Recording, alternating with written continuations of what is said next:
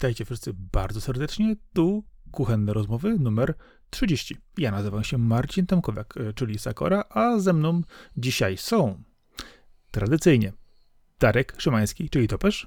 Dzień dobry wieczór wszystkim. Oraz powracający, nagrywający, stały przy tych numerach z zerem na końcu, Arkadiusz Gończyk, czyli Kaskad. Tak, to, to chyba coś znaczy, to zero. Tak mi się wydaje. Witam wszystkich. Robimy z tego jakiś stały cykl, czy, czy, czy odpuścimy w którymś momencie Arkowi, że będzie mógł sobie wybrać, na który odcinek przyjdzie, a niekoniecznie parzysty? Sam się zapowiedział, że przy tych jubileuszowych okrągłych odcinkach będzie zawsze obecny. Aha, czyli, czyli no, cwany, na imprezę przyjdzie, nie? Ale... E, Tak, i zawsze nam to wypomina, zawsze to akcentuje, dlatego ja cieszę się z jego wsparcia i temu właśnie, że dzięki Dobrze. temu mamy interesującą osobę, która zawsze powie nam coś interesującego. Dobrze, że jest z nami, nie? I to właśnie jest to, on milknie i czeka, zawsze. Nie, wiesz, nie odzywa się, dopóki coś bardzo mnie pasuje, wtedy tylko nie. E, Kiedyś postał sobie pana od historii, który zawsze jak brał kogoś do odpowiedzi, stawiał przed tablicą i, i padało pytanie. No i wiadomo, cisza jak makiem zasiał wzrok w buty i on zawsze miał takie powiedzonko, dobrze, mówisz tylko głośniej. Siadaj truja.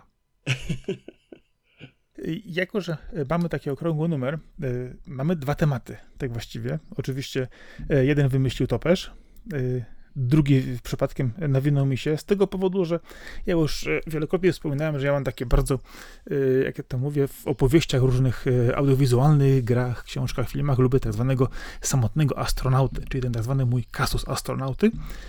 A wiąże się to też z tym, że ja zawsze byłem zafascynowany programami kosmicznymi. Y, Czy to było to Apollo, y, czy był to program y, ZSRR-u, który też był dosyć interesujący i bardzo barwny. Jeżeli ktoś chciałby sobie sięgnąć, polecam sobie temat zgłębić. Natomiast aktualnie mamy kwestie dotyczące przykładowo programu SpaceX, który pozwolił NASA zaoszczędzić bardzo dużo, jeżeli chodzi o kwestie dotyczące wynoszenia na orbitę ładunków oraz personelu. Ale mamy też program jeden, który jest bezpośrednio już, y, no powiedzmy, po wielu, wielu latach, no, mówimy o 40 latach, kontynuacją jest programu Apollo, czyli tego, który pozwolił Amerykanom stanąć na srebrnym globie. Mówimy w tej chwili o misji Artemis, y, która no, kilka lat temu przeżywała swoje ciężkie chwile, nie wiadomo było, w którą stronę pójdzie, y, czy czasami na przykład nie wyprzedzą Amerykanów Chińczycy, jeżeli chodzi o to, kto stanie ponownie na srebrnym globie. Ale oczywiście y, w tak zwanym międzyczasie Chińczycy zdążyli też wyszczelić swoją sondę na Marsa, zdążyli wyszczelić sobie sondy na y, y, też bezpośrednio na Księżyc. Oczywiście mają też stałą bazę kosmiczną na orbicie, więc dzieje się w tej kwestii dużo. Natomiast sam program Artemis w tej chwili ma właśnie za zadanie ponownie postawić nogę na Księżycu.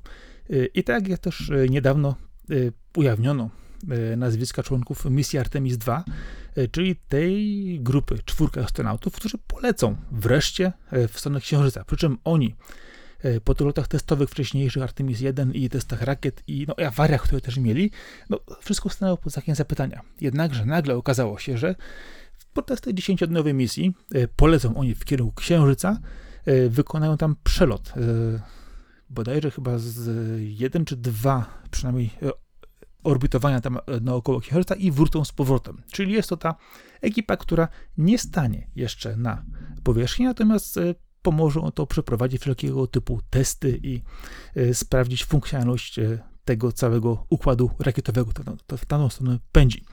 No i mówi się, że to jest kwestia właśnie tego roku, a i nagle wyszła niespodziewanie informacja, że w roku 2025 ma już być bezpośrednie lądowanie na Księżycu. Czyli okazuje się, że mimo tych problemów, które po drodze miał ten program, jednak jest na tyle zaawansowany, aby ponownie na tę srebrną naszą satelitę wrócić.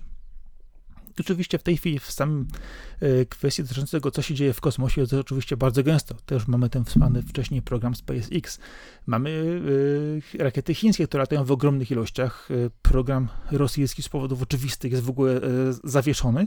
Pomijając oczywiście to, że zarekwirowano wszystko, co było na ich kosmodromie i generalnie rzecz biorąc w tej chwili Rosja nie ma żadnego sprzętu kosmicznego. Wszystko, co wyglądało jak rakieta, zostało wcielone do wojska. Y, Nie, chodzi o to, że to jest y, sam kosmodrom, jeżeli mówimy o rosyjskim, on, on jest y, w Kazachstanie. On jest eksterytorialny, ale kiedy rozpoczęły się działania e, rosyjskie, został on w całości skonfiskowany e, lokalnie i odcięli e, kompletnie Rosję od tego, e, powiedzmy, od tej enklawy, jeżeli chodzi o loty kosmiczne i w tej chwili absolutnie nie mają do tego dostępu. Mamy też program chiński, o którym mówiliśmy. Mówiliśmy, że mają e, stałą bazę, którą w tej chwili tam jest. Mają też swoje lądowanie na Księżycu czy na, e, Wiesz, na Marsie. Chiny mają jaki ustrój, taki, jaki mają, taki mają, nie? Ale to jest bardzo prężnie działające państwo. Tam dużo pieniędzy się przewraca. Wiesz co, oni mają bardzo duży w ogóle program, jeżeli chodzi o to, jaki oni mają program kosmiczny. To mają bardzo perspektywiczny program, dużo w tej chwili regularnych działań, w tej chwili jest podejmowanych i dotyczących satelitów, i dotyczących właśnie wszelkiego typu ra- rakiet orbitalnych, czy też właśnie tutaj mówimy o bazie chińskiej e, kosmicznej, to w tej chwili tam jest, e, ale też z drugiej strony kwestie dotyczące badań, no i ogólnie rzecz biorąc, e, tak samo też mają swoją nawigację Beidou i własną sieć satelitów do tego zbudowanych. Y, I naprawdę to w tej chwili tam się dzieje dużo. Mówiło się też w międzyczasie o indyjskim programie y, kosmicznym, gdzie tam, tam wiem, że pojawiły się różne problemy po drodze i nie wygląda on tak, jak się wyglądać miał na początku. Y, Chociaż tam jeszcze się niektóre osoby wypowiadają, że bardzo chętnie by to zrobiły więcej. No ale no, w tej chwili, patrząc na to, na osiągnięcia Chin w tej kwestii, no to oni naprawdę mają mnóstwo osiągnięć w, tej, w tym. Przy czym, no, u nas jest taki problem, że mamy tą kwestię dotyczącą powiedzmy języka. W media anglojęzyczne bez problemu mamy dostęp, możemy sobie je czytać e, i nie ma z tym najmniejszego problemu, żeby sobie przetłumaczyć.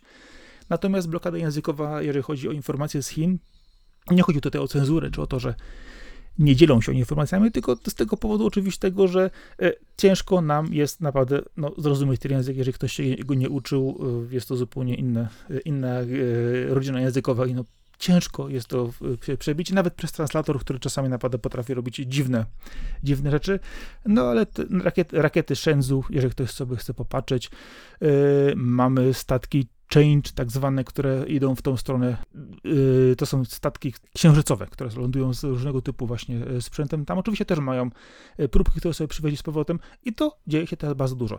Oczywiście mamy jeszcze program X-35, czyli to, co wydarzyło się w ostatnich powiedzmy kilkunastu latach, który, program, który powstał po zamknięciu programów wahadłowców amerykańskich.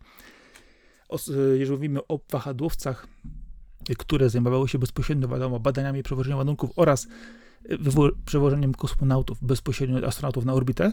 E, Po zamknięciu tego, tego programu, no też po kilku katastrofach, które miały tam miejsce, mamy projekt X-35, czyli tak do końca nikt nie wie, co to jest, e, ale jest to oczywiście duży dron, e, który jest jednocześnie też wahadłowcem, wywozi na orbitę różnego typu sprzęt. Mówi się o tym, że jest to sprzęt wojskowy, jest to sprzęt e, DARPA, czyli Amerykańskiej Agencji Naukowej wspierającej e, właśnie wojsko. I też mówi się o tym, że częściowo są też programy, programy tam cywilne, natomiast czym to właściwie jest, czym to się dokładnie zajmuje, nie zostało to określone, chociaż sam ten e, X-35 pobił wiele rekordów, jeżeli chodzi o czas przelotów, czas przebywania w przestrzeni kosmicznej i powrotu na Ziemię z powrotem. Do czego właściwie jest wykorzystywany, możemy się tylko domyślać, ale jest to jedyny w tej chwili statek kosmiczny, który ma możliwość e, powrotu na Ziemię w bezpieczny sposób, jak to właśnie robiły wcześniej wahadłowce. No i mamy teraz e, ten program Artemis, do którego e, w sumie zaczęła się cała, cała myśl, czyli powrót Amerykanów na e, Księżyc. Oczywiście wielokrotnie mówiło się też o, o stworzeniu bazy księżycowej, o stworzeniu e, między innymi też nowej bazy orbitalnej, dużo, dużo planów, dużo różnych rzeczy, one się zmieniały też w perspektywie wielu lat, ale w tej chwili mamy właśnie taki e, mały wyścig kosmiczny w postaci e, konkurencji chińsko-amerykańskiej i tego, kto będzie pierwszy w, po tym latach na Księżycu i oczywiście kto e, domyślnie położy łapę na zasobach, które tam są. E, Ale z drugiej strony mówi się w tej chwili też o jeszcze trochę innych programach. E, Mamy też przykład e, japońskiej agencji kosmicznej, która też zajmuje się jak może więcej e, eksploracją kosmosu. Na przykład sławna e, sonda i Hayabusa, która wróciła z e, próbkami komety, e, innego typu właśnie kwestie dotyczące przelotów e, i wysyłania sprzętu głównie badawczego na orbitę, ale to jest, mówi się czasami, że to taki e, czarny koń tego wyścigu, który może zakasować wszystkich, ale no zobaczymy, co to właściwie przyniesie z czasem. Ale właśnie Japonia ma też to do siebie, że y, jak wiecie, wiele osób, y, miliarderów, bilionerów, biliarderów w ogóle bardzo zamożnych, lata sobie w kosmos. E, Czy to jest za pomocą SpaceXa, czy jest, było to też za pomocą e, z przykładowo pierwszego bodajże, to był, był Denis Tito, bodajże pierwszy który e, komercyjnie powiedział w kosmos, on wtedy wykorzystywał jeszcze bodajże stare rakiety Sojus. A w tej chwili mamy y, trochę inne działania. Możemy sobie oczywiście kogo stać, wykupić w ramach pakietu misję przelotu SpaceX na orbitę, ale jest jeszcze coś innego ciekawego. Z tej chwili wykonamy są testy też dotyczące przelotu właśnie w kierunku Księżyca z orbitowaniem i powrotem. I teraz uwaga, bo przed nagraniem yy, wspomnieliście panowie, że polecieć w kosmos, nie polecieć, w ogóle szans nie ma i tak dalej. Oczywiście kwestia zupełnego science fiction podejścia yy, czy zasobności portfela, yy, ale nie wiem, czy pamiętacie, że w zeszłym roku jeden z japońskich miliarderów, yy, Yusaku Maezawa, ogłosił konkurs, którym można było wygrać lot wokół Księżyca. Tak zwany program Dirmun. Nie. Właśnie, było takie coś. Jest to program właśnie e, misji organizowanej przez SpaceX, która jest. Yy, ma odbyć. Czyli firma Elona Muska, tak? Yy, tak, oczywiście, chodzi, bo właśnie chodzi Mhm. o ten wykupiony przelot, który bezpośrednio sponsorowany jest przez tego miliardera japońskiego. Ma się odbyć to w tym roku.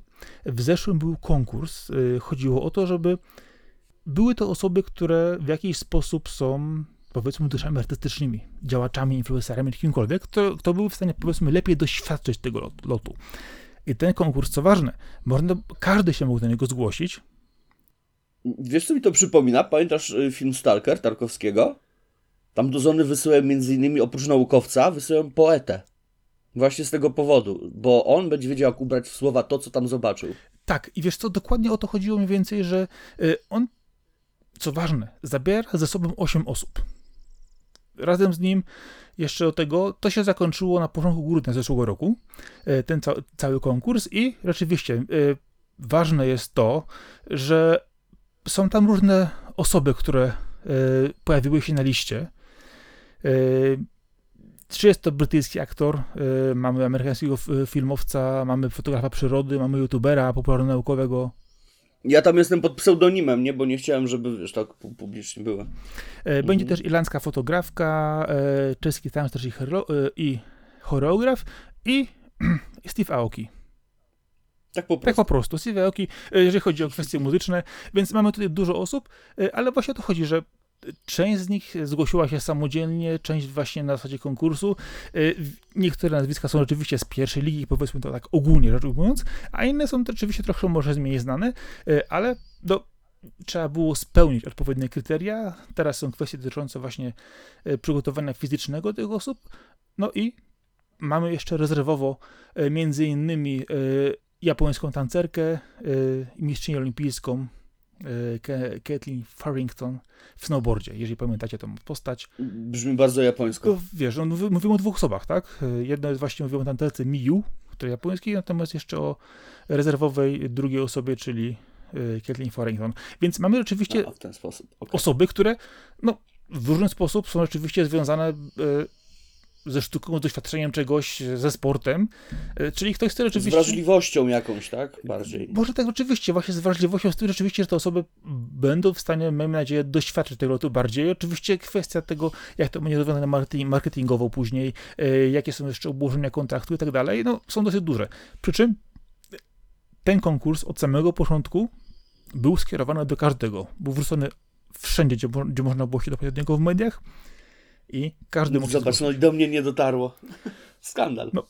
Cóż, jeżeli zdążyłbyś z terminem, mogłeś się zgłosić. Znaczy termin terminem, ale y, przede wszystkim trzeba pamiętać o tym, że żeby polecieć y, w kosmos trzeba mieć y, solidne zdrowie, a tego na pewno nie mam. Wiesz co, w tej chwili mówi się, że te loty SpaceXowe, tu pomijając kwestie dotyczące bezpośrednio samego przeciążenia, które można na różny, w różny sposób kompensować, to nie ma żadnych przeciwwskazań typowych. Nie, ma tak, nie są to tak obwarowane tak mocno jak loty e, załogowe, które dotyczyły misji kosmicznej, przykładowo w, czy to w ZSRR byłym, czy w Rosji, czy w Stanach Zjednoczonych, e, gdzie osoba, która leci w kosmos nie jest typowym astronautą, nie jest typowym osobą, wobec której są wymagane pewne, powiedzmy, e, cechy fizyczne czy też psychiczne różnego typu. E, Są to naprawdę kosmiczni turyści.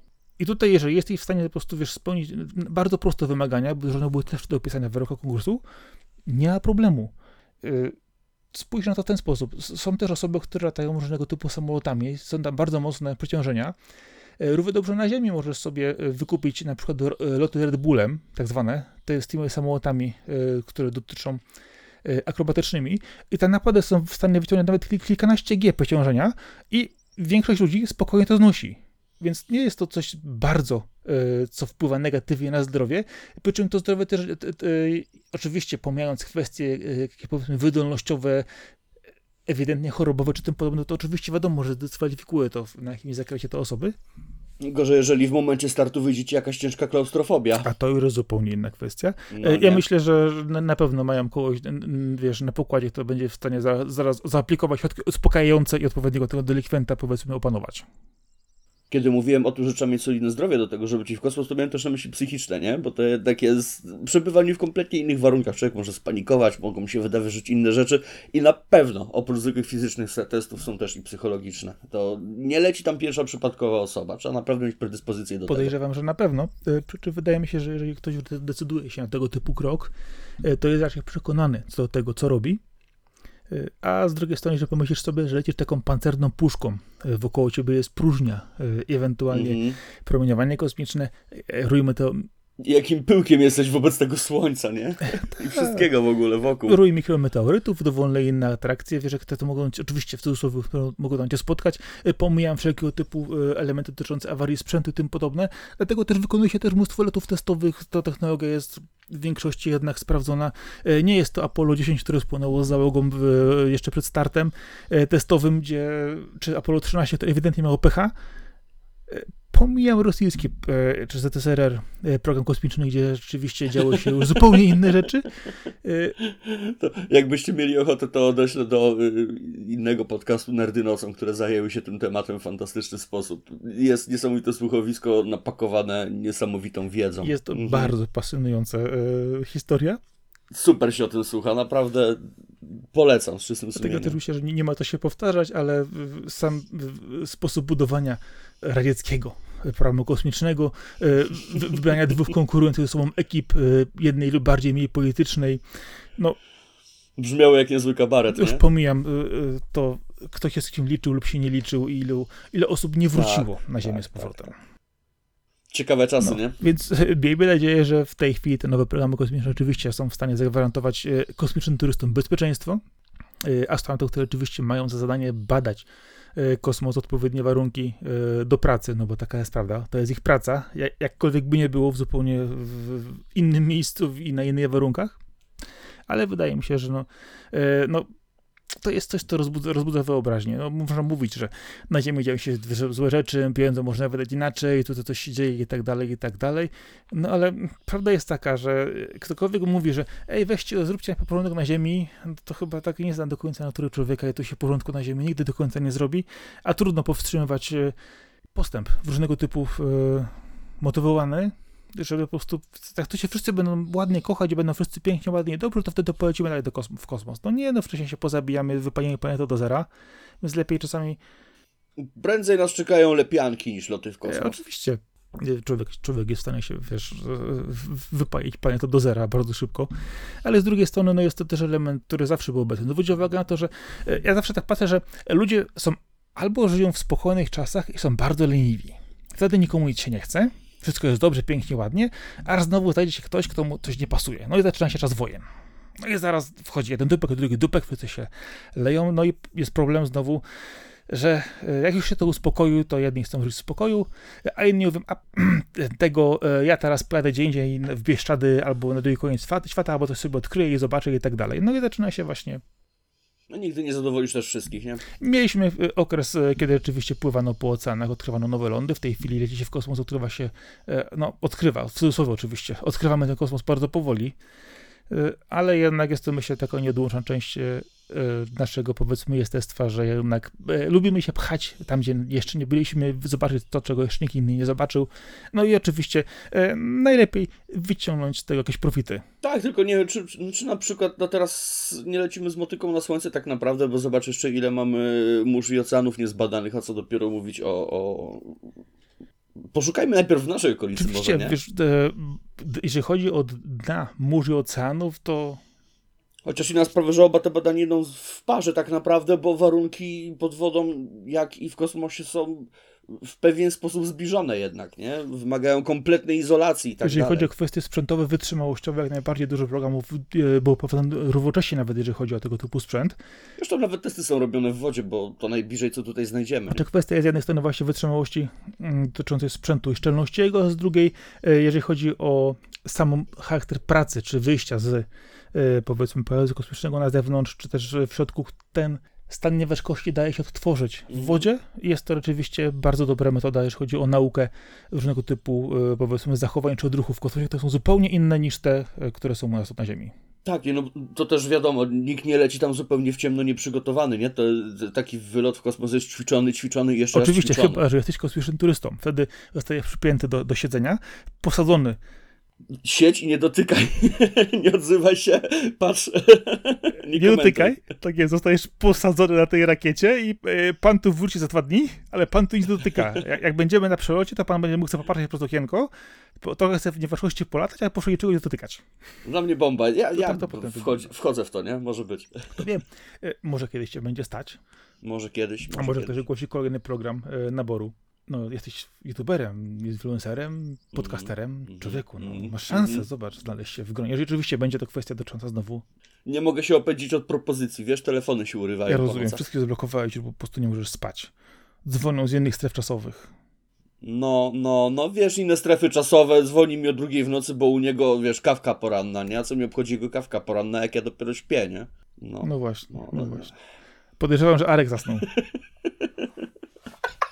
Nie, nie, nie, słucham po prostu tematy kosmiczne, lotów w kosmos. Przykro mi to mówić, ale są bardzo daleko od tego, co w ogóle sprawdzam. A co sprawdzasz? Nie spodziewam się, żebym kiedykolwiek mógł polecieć w kosmos, więc nie śledzę lotów w kosmos. no ale marzenia są piękne, nie? Wiesz co, no właśnie, jak nie mogę na razie spełnić marzenia, żeby sobie do Japonii polecieć, to co mam myśleć Auć. o locie w kosmos? Ouch. Right in the fields, nie? Ała. Ale zobacz, zgłosiłbyś się na ten konkurs, to połączyłbyś jeden z drugim. Bo start byłby z Japonii, pojechałbyś do Japonii, żeby lecieć w kosmos. No zobacz, jak, jakie miałbyś znajomości. Zapraszają cię, do japońskich kanałów informacyjnych i i innych, zobacz, no. Mm, tak samo jak ciebie. Też się nie możesz opędzić. Nie, nie no, bądźmy, bądźmy szczerzy. Te wszystkie programy kosmiczne i tak dalej, to jest coś, w co na pewno warto inwestować, pozwalają odkryć, zrozumieć świat także u nas. E, Praca nad rzeczami, które są związane z eksploracją kosmosu, na pewno się przekładają też na to, co się dzieje na Ziemi. No ale bez przesady, no polecimy i co? I, i, i co dalej? Kto tam poleci? 18 osób i co? No to, to, jak, już, jak już poleciałeś, to. Słuchaj, jak już poleciałeś, to węgla nakop, nie? To surowców trochę przywieziesz. No i co? I, i, i odkryjemy jakieś paliwo, które będzie na Ziemię sprowadzane? Przecież te, te rzeczy e, dla mnie, wiesz, no w dziełach science fiction lubię sobie zagrać w jakiś tytuł w kosmosie, obejrzeć film o tym, ale, ale żeby przeżywać, że, że przez lornetkę zobaczyliśmy coś, co jest bardzo daleko, to są super rzeczy, super wiedzieć, że, że faktycznie ten świat ma takie tajemnice przed nami, e, że najmądrzejsi ludzie na Ziemi nie są w stanie ich odkryć, mimo iż dysponują praktycznie nieskończonym budżetem i dalej jesteśmy głupi i to jest okej. E, No ale jestem fanem tego idyllycznego e, martwienia się o to, co tutaj. Wolałbym jednak, żeby Ziemia była lepsza, niż myśleć o tym, że będziemy na Marsie hodować ziemniaki. Najpierw własne podwórko, nie? Znaczy wiesz co, ja w tym widzę jeszcze to, że y, faktycznie nam niedługo zaczną się kończyć surowce. Już się masa surowców kończy tak naprawdę. Y, I jeżeli nie znajdziemy innych miejsc do wydobycia, to będzie słabo z, z różnymi gałęziami tak naprawdę. Będziemy musieli się może dostosować, wiadomo, ale to jest w zasięgu jednak, No nie? ja mam na to inne spojrzenie. Wydaje mi się, że energię moglibyśmy mieć z rzeczy, które, które są dostępne. No przecież nie musimy polegać na ropie. Y, Jeżeli chodzi o hodowlę rzeczy, to, to w morzach i oceanach jest dość jedzenia. to, ile wyrzucamy jedzenia, jest skandaliczne. No, no tym się zajmijmy, a nie. Myślę, że marnotrawstwo jest głównym problemem, a nie to, że czegoś nie ma. Ta słyn, słynna opcja, że nie można na przykład komuś donatować y, jedzenia z restauracji, bo to podchodzi pod jakąś karę za darowiznę. Coś tam, coś tam. Totalna bzdura, nie? Jedzenie ma się zmarnować, to lepiej je rozdać, prawda? Ale ci nie wolno, bo jeszcze karę zapłacisz. E, No tak, no ten słynny przykład, nie wiem z jakiego, z jakiej miejscowości piekarza, No. który rozdawał chleb bezdomnym i, i go urząd dojechał za to, że nie płacił podatku. No, Wychodzi na to, że lepiej być złodziejem ni- niż dobrym Samarytaninem, no nie? wiecie, no, no to jest kwestia, kwestia różnych układów, e, różnych rzeczy, które należy poukładać i odkryć to, że e, tym, co głównie nas stopuje jako ludzkość, to jest chciwość, a nie, że jesteśmy jacyś źli i tak dalej. Kapitalizm. Nazywamy po imieniu. Więc, więc no tak, no, no to są rzeczy, z którymi należy walczyć, ale to jest poza naszym zasięgiem. Nie jesteśmy w stanie też z tym wygrać. Też się nie oszukujmy, że, że jesteśmy w stanie się, się umówić, że, że to będzie dobry świat, bo zawsze będą poszkodowani, albo zawsze będą osoby, które będą wykorzystywać to, że się umawiamy, że będziemy uczciwi i jedna osoba nieuczciwa wtedy ma raj dla siebie, a co dopiero 100 tysięcy takich osób. No więc... Masz, masz 100% racji. W naturze człowieka jest kombinować, żeby, że- żeby mieć dobrze samemu, nie? A potem pomyślimy o reszcie. Ewentualnie. E, więc, więc tak, no fajnie, że tyle miliardów leci w te puszki kosmiczne, al- ale, ale można było coś z tym zrobić, nie? No, ale na przykład toruńskie, toruńskie schronisko potrzebuje troszeczkę na przykład naprawy, a, a co, co nam po takim locie w kosmos, nie? Gdzie zwierzaki tutaj by przy, potrzebowały ciekawszych warunków. No są problemy bezdomności, są inne problemy, które, które są myślę do załatwienia. E, No jedna, jeden start rakiety to jest pewnie pięcioletni budżet takiego programu, który mógłby pomóc, no nie wiem, 100 tysiącom osób. Może nawet. Ciekawe to by było szkół w Afryce na przykład, nie? Albo ujęci wody pitnej. problemy Afryki od dawna to nie są pieniądze. Tyle pieniędzy wysłaliśmy do Afryki, tylko kwestia jest taka, że one nigdy nie trafiają tam, gdzie mają. No i właśnie to jest to, nie? To pieniądze nie, nie są ani trochę problemem Afryki. Problemem Afryki są. Zarządzanie tymi pieniędzmi. Dobra, to. To, to jest bardzo no, cienki no. lód, żeby nie zabrzmieć bardzo źle, więc e, postaram się to powiedzieć w miarę delikatnie, no ale e, Dawaj wal z mostu. Co się będziesz szczypał? jakby te, tam jest zbyt dużo osób, które nagle przeskoczyły z y, poziomu życia bardzo prymitywnego na etap, gdzie po ich sawannach jeżdżą Toyoty i No ludzie z kałachami. A W ogóle nie było okresu przejściowego, nie było przyzwyczajania się, budowy demokracji, żadnych takich rzeczy, które rozwijały się w Europie, czy też zostały przywiezione do Stanów Zjednoczonych czy też w pewien sposób zawsze były struktury w Ameryce Południowej, e, nie, nie wspominając o Azji, gdzie, gdzie to jest bardzo dużo struktur tam jest i, i bardzo mocny popęd. No, e, no powiedzmy tak, no sytuacja, kiedy społeczeństwo budujesz na kastach jest okropna i to, to teraz myślę, że Indie mają się za to wstydzić bardzo mocno i wybielanie Indii to też jest straszne. No ale patrz, no wciąż się ludzkość jako ludzkość nie nauczyła tego, że to zły No pomysł. nie nauczyła się, ale też mając dość czasu, żeby dojść do tego, że są inne sposoby, myślę, żebyśmy doszli, a, a zanim do tego doszliśmy, zdążyliśmy się zacząć mordować o to, kto się Tak. urodził po której stronie rzeki i, i tyle, i to trwa. E, Więc, I to przynajmniej dwa razy na skalę światową.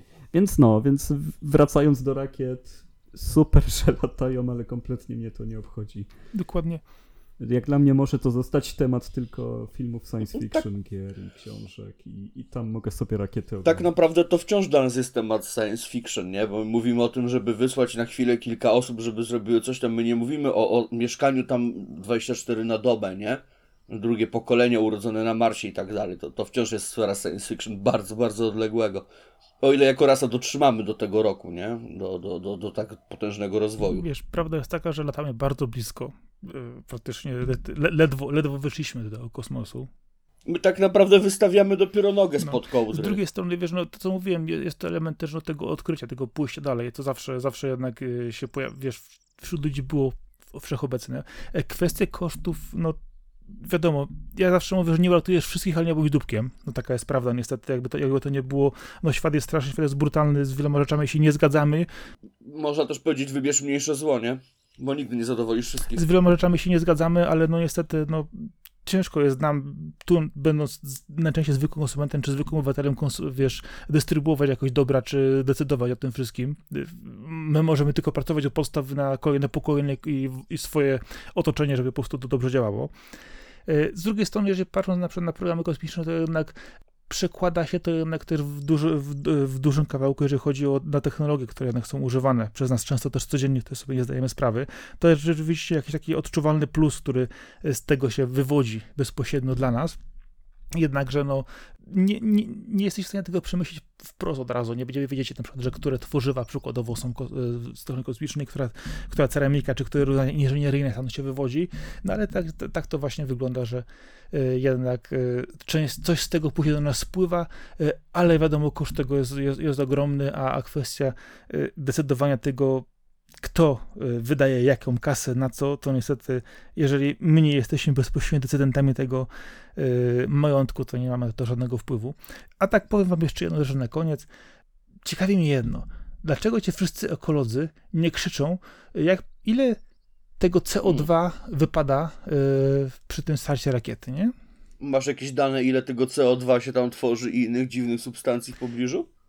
Czy, czy to ma na przykład jakiś długofalowy wpływ na przykład No właśnie się zastanawiam i nie mam takich na danych. okoliczną faunę, florę, tak? Na jakiś Znaczy, jeżeli chodzi o wpływ na ekosystem, to badano to na początku Kennedy'ego w Stanach, gdzie oczywiście No bo jednak wiesz, no starty są prowadzone z konkretnych jednych ośrodków, tak? To jest wszystko w jednym miejscu, ale co się tam dzieje wokół, wokół, ten, wokół tego wszystkiego, nie? Dookoła, czy... Już nie mówiąc o samych Wiesz co, spalinach. główne ośrodki to masz bardzo różne są, zwróć uwagę na to.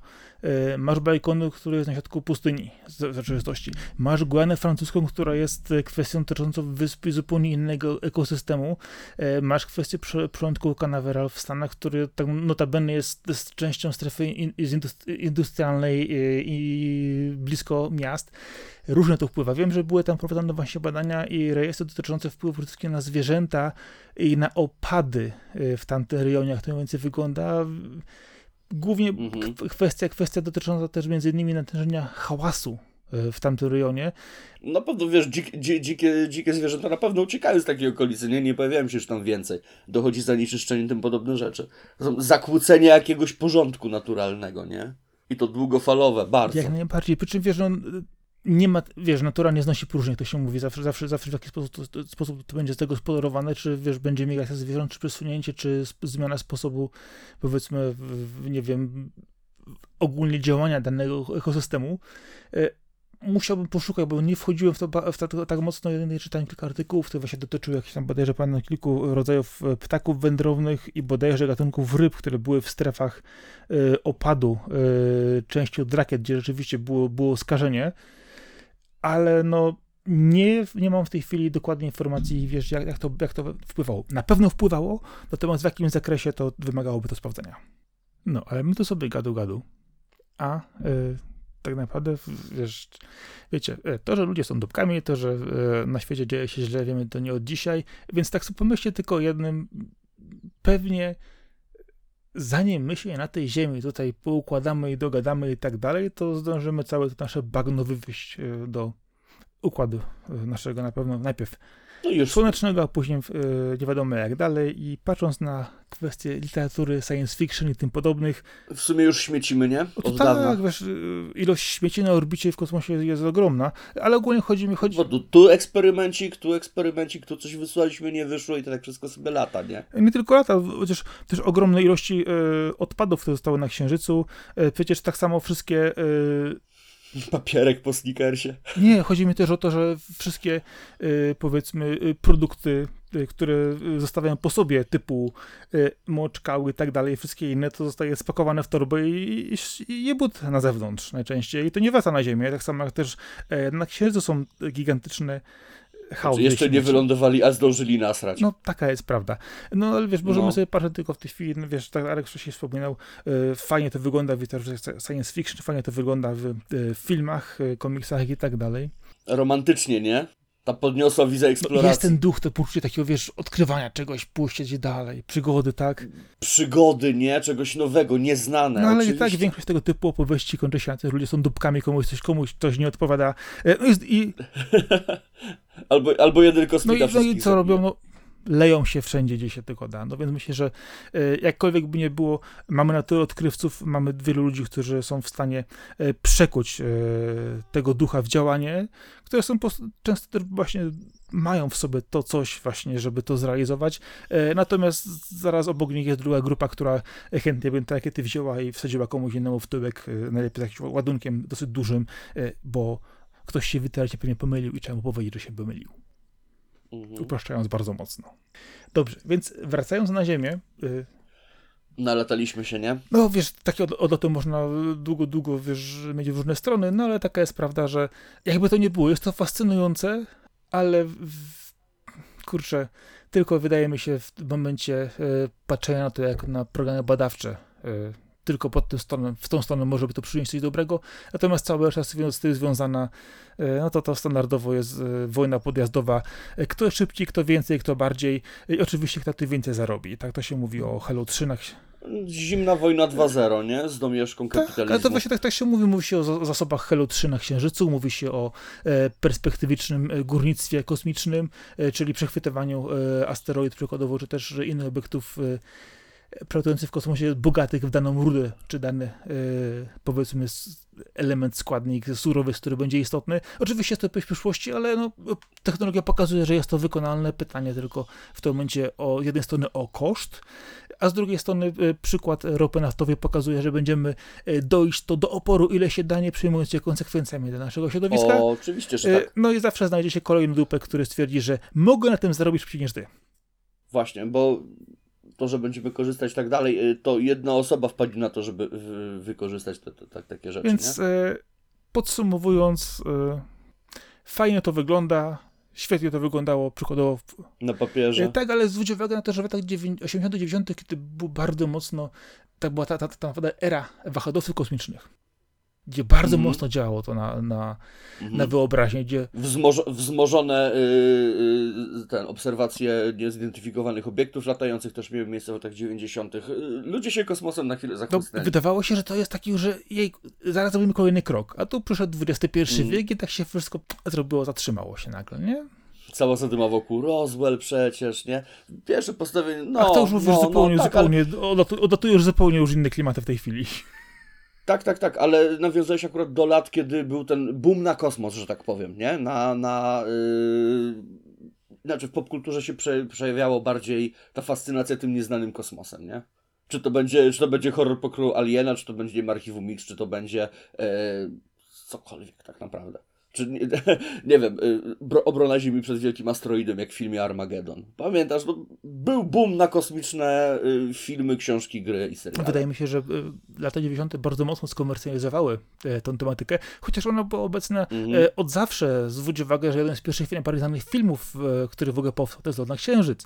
Więc to było, fascynacja człowieka zawsze była tą kwestią. Tak. Tak samo mówi się o złotej, srebrnym e, wieku, okresie, jeżeli chodzi o literatury science fiction przede wszystkim, e, te lata 60., 70., kiedy to się zmieniało. No, jest to kwestia Mm. bardzo mocnego rozwoju wiesz, i podziałania na wyobraźnię. Tak naprawdę wszystko z tego okresu do tej pory nazywa się klasyką i do tej pory y, w przedrukach wciąż jest sprzedawane, nie? Sporo, sporo, sporo. No jeszcze w Polsce było dwóch takich, co ukradło księżyc. Ała. Niechlubny frag- fragment naszej historii. Ale piosenka Lady Punk była świetna. To muszę Tak. oddać. No, ale Mhm. patrząc na, na, na to z tej perspektywy, y, to sama ta y, literatura szeroko pojęta, y, czy gatunek, powiedzmy w ten sposób, science fiction jest y, bardzo, rzecz biorąc, dobrze postrzegane przez wszystkich.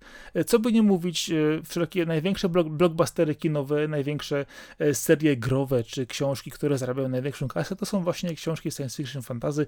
Cokolwiek ktokolwiek by mówił, że jest to, e, w cudzysłowie oczywiście, głupie, dla niedorozwojów, dla dzieci, albo znowu ktoś coś zmyśla, to jest to najfajniejsza gałąź e, rozrywki i nikt mi nie powie, że tak po prostu nie jest. Jest to, jest to po prostu fajne i dobre w odbiorze. Owszem, ale na przykład takiego GTA, które jest światowym fenomenem, bym nigdy nie podciągnął pod fantastykę. Ale chwila, chwila, chwila. Ja się tu chcę No. zatrzymać. Czy y, ułożyłeś stwierdzenie, że najfajniejszym elementem są historie o kosmosie? Nie, chodziło mi ogólnie o science fiction, o fantazy. O to, że jest to coś, coś W czasie, w czasie Mass Effecta to by miało mnóstwo poparcia. Znaczy, ja, chodziło mi o odnośnik, o, o to, że wymyślasz historię z, z, z innym światem, z innym, e, innym po prostu czymś, co zupełnie jest dla ciebie o, absolutnie oderwane od rzeczywistości.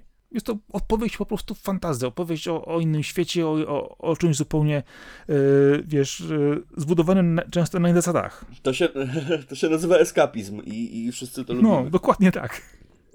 No, zdecydowanie fantazy. Tak, fantastyka, fantazy to, to jest coś, co jest głównym trendem, no ale też bardzo dużo rzeczy, które są poza nim, odnosi gigantyczny sukces, więc y, po prostu nie wiem, czy bym generalizował w tym Wiesz temacie. co, e, może nie generalizując, ale e, patrząc na przykład na wyniki sprzedażowe, czy wyniki przykładowo serii książkowych czy filmowych, które zarabiają naj, najwięcej pieniędzy, patrząc obiektywnie, że mówimy o tylko i wyłącznie od kwestii ilościowej. Tylko i wyłącznie. Nie mówię o kwestii jakościowej, bo e, kwestia jakościowa jest tu bardzo różna, e, a jak wiadomo, że jest dużo innych opowieści bliższych e, naszemu życiu, które też się bardzo dobrze sprzedają, bardzo dobrze są przyjmowane, to jednak przykładowo lista największych hitów filmowych, czy największych hitów książkowych, które sprzedawały się w największych ilościach, największych nakładach, no to jednak jest to jednak zawsze ten top 10 jest objęty większością przez science fiction i fantasy. Taka jest prawda. No jasne, nawet awatar się sprzedaje, E, Tak, to jest też dziwne. Jakimś cudem, prawda? No. więc co tu dodać? No ja nie ogarniam czemu akurat akurat awatar. ale- Awatar w ogóle dla mnie zawsze był takim, takim, takim dziwnym. Nie, nie wiedziałem, z czym to się właściwie je, bo e, wizualnie czy technologicznie oczywiście może było prze, przełomowe w pewnym momencie. W zasadzie tylko tym. Wiesz co, no chyba James Cameron ma coś takiego, ten Magic Touch, że on potrafi z gigantycznych budżetów generować jeszcze większe zyski i, chyba za każdym razem mu się to udało.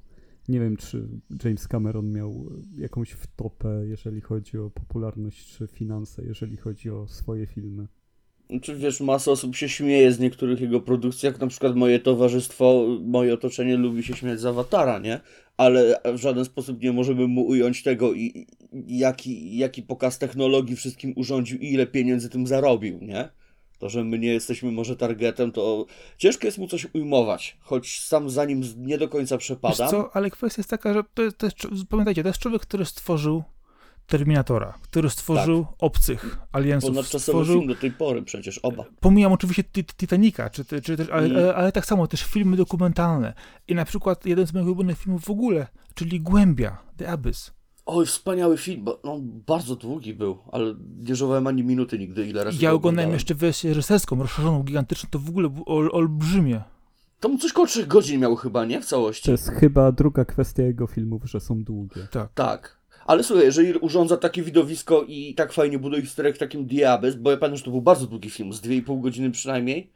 Ja tam nie żałowałem ani minuty, to był jeden z moich ulubionych w ogóle Tak. filmów, mając ten naście, 10 lat, nie? I on ten box office jeszcze dodatkowo pompuje, bo często jego filmy są droższe, jeżeli chodzi o bilety, jak zauważycie. Z tym się nie spotkałem, ale to może dlatego, że u mnie w mieście nie ma IMAXów, tym podobnych rzeczy. No bilet do kina to bilet do kina, na 3D jest tam może 2 zł droższy, nie? I to E, wszystko. w Polsce chyba są znormalizowane, ale w Stanach są bardziej zróżnicowane ceny i te Camerona są zawsze jako premium. Jeżeli chodzi o Stany, to ja w ogóle usłyszałem kiedyś, że, że jest tam nawet opcja, że y, niektóre miejsca są A to droższe u nas w Polsce też. od innych U nas w. Polsce tak samo. Tak, są, są masz Tak? strefy O. bliżej, dalej yy, i bilety różne. To na szczęście z tym się nie spotkałem. Na szczęście i mam nadzieję, że tak zostanie. Nie, u nas jest chyba, jeżeli chodzi o wygodę fotela, wiesz, są te premium fotele, a nie, nie, nie, tak, są takie, gdzie się może... Z masażem stóp jest. Tak, ale wiesz co, yy, No ostatnio kupowałem Super. też bilety do Multikina, gdzie w, w pierwsze rzędy, środkowe i tylne, y, są w różnej cenie w zależności od odległości, a Multikino ma w tej chwili wyremontowane przykładowo fotele wszystkie u nas na nowo w Poznaniu i było to kwestia właśnie od odległości, od ekranu, ale tam No co ty gadasz? To biorąc pod uwagę, że nikt nie chodzi do kina, można kupić najtańsze i się przesiąść. jeżeli chcesz, proszę bardzo, to nie jest problem. No. Nikt nie chodzi do kina i w tym momencie tak siedzę skonsternowany, bo byłem na 14 filmach w ostatnich dwóch miesiącach. Ale w ilu miałeś pełną salę albo połowę sali? Eee, ojeny, w przypadku może trzech, gdzie nie byłem nawet na Antmenie, który na pewno miał pełną salę. No, więc to raczej mało. No to też różnie bywa. E, Zależy też na którą godzinę idziesz na seans, bo ja, za- ja zawsze wspominam tę historię, jak Mm. poszedłem na Zimowego Żołnierza i byłem na sali sam, bo byłem przed południem. Moje ulubione wyjście do kina to był Zielony Rycerz stosunkowo niedawno, w zeszłym roku zresztą mówiliśmy o nim. Byłem tylko ja i kolega na sali. Wszys- Wszystko, wszystko było dla nas, cała ta sala. Hmm. Coś pięknego. Przy tak nieśpiesznym i tak artystycznym filmie to mogliśmy siedzieć ciszy i spokojnie, nikt nam niczym nie szeleścił, nie? No to jest też właśnie kwestia doznania filmu, jak do, ktoś ci y, autentycznie gada. I mogliśmy spokojnie do siebie się odezwać i komentować, żeby było śmiesznie, no bo przecież nikt nam nie zwrócił uwagi. Idealnie się oglądało w ten sposób. Nie różniło się niczym od kanapy przed telewizorem w domu. No trochę większa kanapa. Trochę większy ekran, No to też. bo też, fotele to no. trochę ciasne. No ale patrzyłem właśnie tego Camerona. No i prawda jest taka, że no, jego filmy, y, większość z jego filmów, czy nawet scenariuszy, które pisał, y, to są rzeczy, które zapisały się no, w, w- różny sposób w, hi- w historii kina, czy nawet w bardzo charakterystycznych seriach i postaciach. To, to, to, jest, to jest to rzeczywiście, co y, w jakiś sposób no, wyznaczało nowe kierunki w kinach i w filmie generalnie, wydaje mi się. I to, to widać właśnie bardzo mocno. A co ważne, też warto dodać, że y, filmy, w których on nie tylko brał udział jako reżyser, producent i scenarzysta, y, są też filmy, gdzie on na, przykład- pisał scenariusz tylko i wyłącznie, ktoś inny się tym zajmował, y, ale tak filmy okazuje się, że były, kurczę, bardzo, bardzo mocno wizjonerskie, bardzo dobre. Zwróćcie uwagę na przykład prawdziwe kłamstwa, on też tym maczał, maczał palce. Ojej, zapominam ciągle o tym filmie, a to, to było fantastyczne kino. To jest rewelacyjny film, ja ciągle zapominam, że to jest jego robota. Ale, ale wiesz, że prawdziwe kłamstwa są remake'iem francuskiego filmu? To nie jest oryginał. Tak, słyszałem o tym, ale, ale dobra, dobra, ale wiesz, kiedy pojawia się w rozmowie pra, prawdziwe kłamstwa, to mówimy o tej nowszej wersji, nie? Tak z, z domysłu, Znaczy między nie? innymi jest pół roku różnicy mniej więcej, ale kwestia chodzi o to, że on bardzo sprawnie rozwinął ten pomysł tego agenta, który... Pół, pół, roku, pół roku pomysłu i, i kilkanaście milionów dolarów różnicy w budżecie marketingowym. No, robi nie? swoje. Y, Ale wiesz No. co, ja ja zawsze w przypadku Camerona y, podaję jeszcze inny film, gdzie on brał y, udział, jeżeli chodzi o scenariusz. Dziwne dni. Strange Days. Dziwne dni. To jest dla mnie jeden z najlepszych filmów w ogóle, jaki widziałem i wow. A wiesz, że ja go kompletnie teraz nie kojarzę? Aż muszę zobaczyć, co to jest. Poczekaj, poczekaj. Mów, mów, ja sobie poszukam. Cyberpunkowy film z Ralphem Fiennesem, Angelą Bassett, który dzieje się na przeddzień y, Sylwestra 99 roku. Y, handl, 95 rok, handlarz, tak? y, w filmie 95.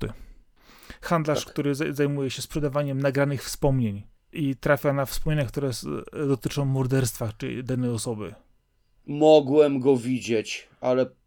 Bo sam pomysł na ten film mi coś tam mówi. Film jest niesamowity, film jest bardzo niedoceniony, ale jest y, Mogłem go oglądać po prostu zbyt młody i dlatego coś mi świta, ale myślę, że to było tak dawno temu i takie szczątki pamiętam, że prawdopodobnie po ja polecam, aby ten film naprawdę No już jest w zakładkach, spokojnie. jest, jest bardzo, bardzo dobrą powieścią. To jest tak. Ej, 67% na pomidorkach to nie tak źle. Metacritic 66 na 100 i MDB 7,2 na 10. Porządny średniak. Dobrze. Wiesz co, y, podejrzewam, że ma tak. 2 godziny 25 minut znowu. On ma tak niskie oceny, dlatego że to jest film sprzed y, 30 lat, y, a nie z ostatniej dekady, dlatego go oceniali, wiesz, z perspektywą. No tak, te wszystkie agregaty się pojawiły dużo, Dlatego dużo ja generalnie racja. nie ufam e, tym ocenom w, e, w internecie, bo to bardzo mocno często wypacza niektóre rzeczy. Jak ja na przykład widzę, jak ktoś e, patrzy na filmy z lat 50., 60., które są klasyką kina, a kto, i ktoś po prostu je ocenia, że on w ogóle jest głupia, bo ktoś tam źle, źle się wyraża, albo nie wiem, było czarno-białe, albo nie te efekty, a nie patrzę na to, co ten film ze sobą niesie, e, jak, kto w nim grał, w jaki sposób opowiadał historię, jak zmieniał czasy, no to tak myślę, no okej, ignorancie, idź dalej, no, co ci mam więcej powiedzieć. Weź taki przykład. Pamiętasz film Street Fighter? Objechany w recenzjach z góry na dół, nie? A pamiętasz film Double Dragon? Objechany jeszcze bardziej. A wiesz co, ja oba te filmy uwielbiam, bo są fantastycznym kampem. Tylko zajęło mi 20 parę lat zrozumienie, że to tak ma być. No, Arek bardzo lubi Street Fightera. Jest świetnym filmem, Eee. oczywiście, że tak. Ja myślę, że bardzo daleko odjechaliśmy, jeżeli chodzi o, Trochę tak, ale to normalne u o nas. omówienie o starych filmach, które były dobre do Street Fightera. E, Bo chciałem się bardziej wtrącić, że złota era Hollywood jest cały czas złota i E, I, I no to są świetne czasy, świetne filmy. Młody Marlon Brando na przykład, e, czy też Frank Sinatra nawet, który przecież dużo w filmach grał. No to są takie wielkie klasyki, które się ogląda według mnie. No dobra, z odpowiednim nastawieniem, bo one faktycznie są nudne i są grane aktorsko zupełnie inaczej, ale też pokazują e, ten świat z taką dokumentalną dosyć dokładnością, bo, e, bo one były nie aż tak komercyjne wbrew pozorom. To były wielkie przeboje dla całych rodzin, czy też pokoleń, ale ze względu na to, że tam nie było takiej konkurencji, twój film wchodził i po prostu był w kinach i ludzie na niego szli, nie, nie biłeś się z tysiącem różnych rzeczy. E, Dlatego, że były trzy filmy na krzyż w skali dwóch miesięcy, nie? Znaczy, no Hollywood się naprodukowało tam, nie, nie chcę właśnie zabrzmieć, jakby nie było konkurencji, no ale ona była o tyle mniejsza, że jakby to żyłowanie tego, wiesz, tej pompy, tej akcji, tego Michaela Beya, te, tego co teraz robi The Rock, z którym filmy są nie do oglądania. The Rocka nie da się oglądać w żadnym filmie. E, I wszystkie są okropne, płaskie, puste i, i nieciekawe. E, no to tak, tamte gwiazdy, no, no bardzo tam warstwa obyczajowa, kom, jakiś komentarz, to wszystko było ważne, chociaż no oczywiście zdążyło się zestarzeć na tyle, że, że w wielu miejscach nie przystoi do naszych standardów y, moralnych już nawet, e, ale są niesamowicie ciekawe. Zresztą same westerny wtedy, ile ich powstało, to też one są jakimś komentarzem e, nie tylko do tego, co się tam działo na tej przestrzeni XIX i XX wieku na preriach amerykańskich, ale też no, do współczesności osób, które je kręciły. Dokładnie, ale musisz jeszcze wziąć pod uwagę to, że jednak w tamtych czasach do 68 roku obowiązywał tak zwany kodek Heisa, mhm. E, czyli ten kodek, który mówił co, w jaki sposób e, może być w danym filmie pokazane.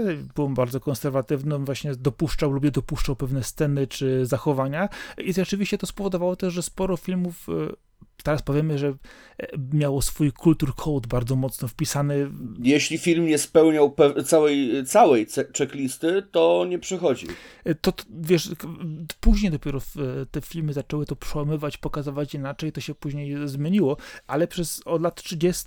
do, 60, do końca lat 60. to w Stanach obowiązywało i to oczywiście w filmach było bardzo widoczne i też to, co właśnie wspominał, że dzięki temu też te filmy były takie przystępne one, były, one miały pewien standard, pewne usystematyzowanie i można oczywiście było kierować je do y, większej grupy odbiorców od razu. Też jako odbiorca wiedzieć na co idziesz, nie? Zdecydowanie, wiesz, to było, to było kino rozrywkowe, ale tworzone w zupełnie inny sposób y, niż teraz. Y, one rzeczywiście bardziej oddziaływały też y, w kwestii do, przykładowo y, emocji, y, opowiadania historii, nie tylko efekciarstwa, ale zwróć uwagę na to, że to, co jak wspomniał, też złota, złota era Hollywoodu, to są przede wszystkim postacie aktorów. To tak. są osoby, które Kreacje, autentycznie nie? grały w tych filmach, które miały niesamowite emocje, które zapisały się tak mocno, że dzisiaj po prostu patrzysz na niektóre postacie i zastanawiasz się, kurczę, i w jaki sposób było to zrobione. One miały styl, miały szyk. To było zupełnie inne kino niż jest teraz. A wiesz dlaczego? Bo te postacie były pisane jako jakieś. Wiesz, to sam w ogóle sposób pisania scenariuszy w tamtych czasach, e, innego trochę podejścia, e, no, to powoduje, że te filmy e, no, ogląda się inaczej. Wiadomo, czasami trzeba mieć szerszy kontekst, trzeba troszkę, troszkę więcej wiedzieć, czy też. O, oczywiście. Zawsze trzeba mieć szerszy kontekst, nie? Bo jeżeli ktoś za 30 lat obejrzy sobie. No nie wiem, nie przychodzi mi teraz do głowy jakiś tytuł, nie? Ale za 30 lat będą zupełnie inaczej odbierali to kino, które uważamy za kultowe, nie? Zresztą co już widzimy. Filmy, które kiedyś wyszłyby za kultowe, dzisiaj by nigdy nie zostały wyprodukowane.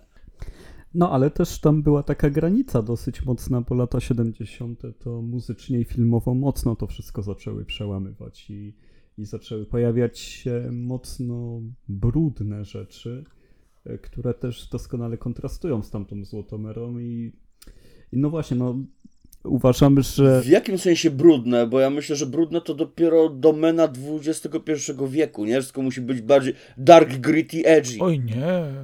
No wiesz co, według mnie Gorączka Sobotniej Nocy jest brudnym filmem. Dobra, okej. Okay. A czy jest tak samo brudnym jak... No, no dobra, okej, okay, to, to, inna I, dyskusja. I, i jest mhm. ich dosyć dużo w tamtych czasach. Ale tak samo zwróć uwagę na lata 70., y, kiedy jak to się mówi, zmienia się sposób podejścia, wchodzi szaft oryginalny pierwszy, który zmienia w ogóle sposób, pokazuje pierwszego na tamte czasy w Stanach, to było niesamowicie szokujące, że był czarnoskóry główny bohater filmu, serialu. Jak to było coś w ogóle, wiesz, w tej chwili, w tej chwili z naszej, z naszej perspektywy to jest zupełnie normalne, nikt z tego nie robi afery, ale przecież e, czasy segregacji rasowej w Stanach i to, co się działo w tamtym okresie, no e, to bardzo mocno przebija się w wielu produkcjach Co tamtych się czasów. działo, co jeszcze cały czas rozbrzmiewa bardzo nie, niechlubnym echem. No, zdecydowanie tak.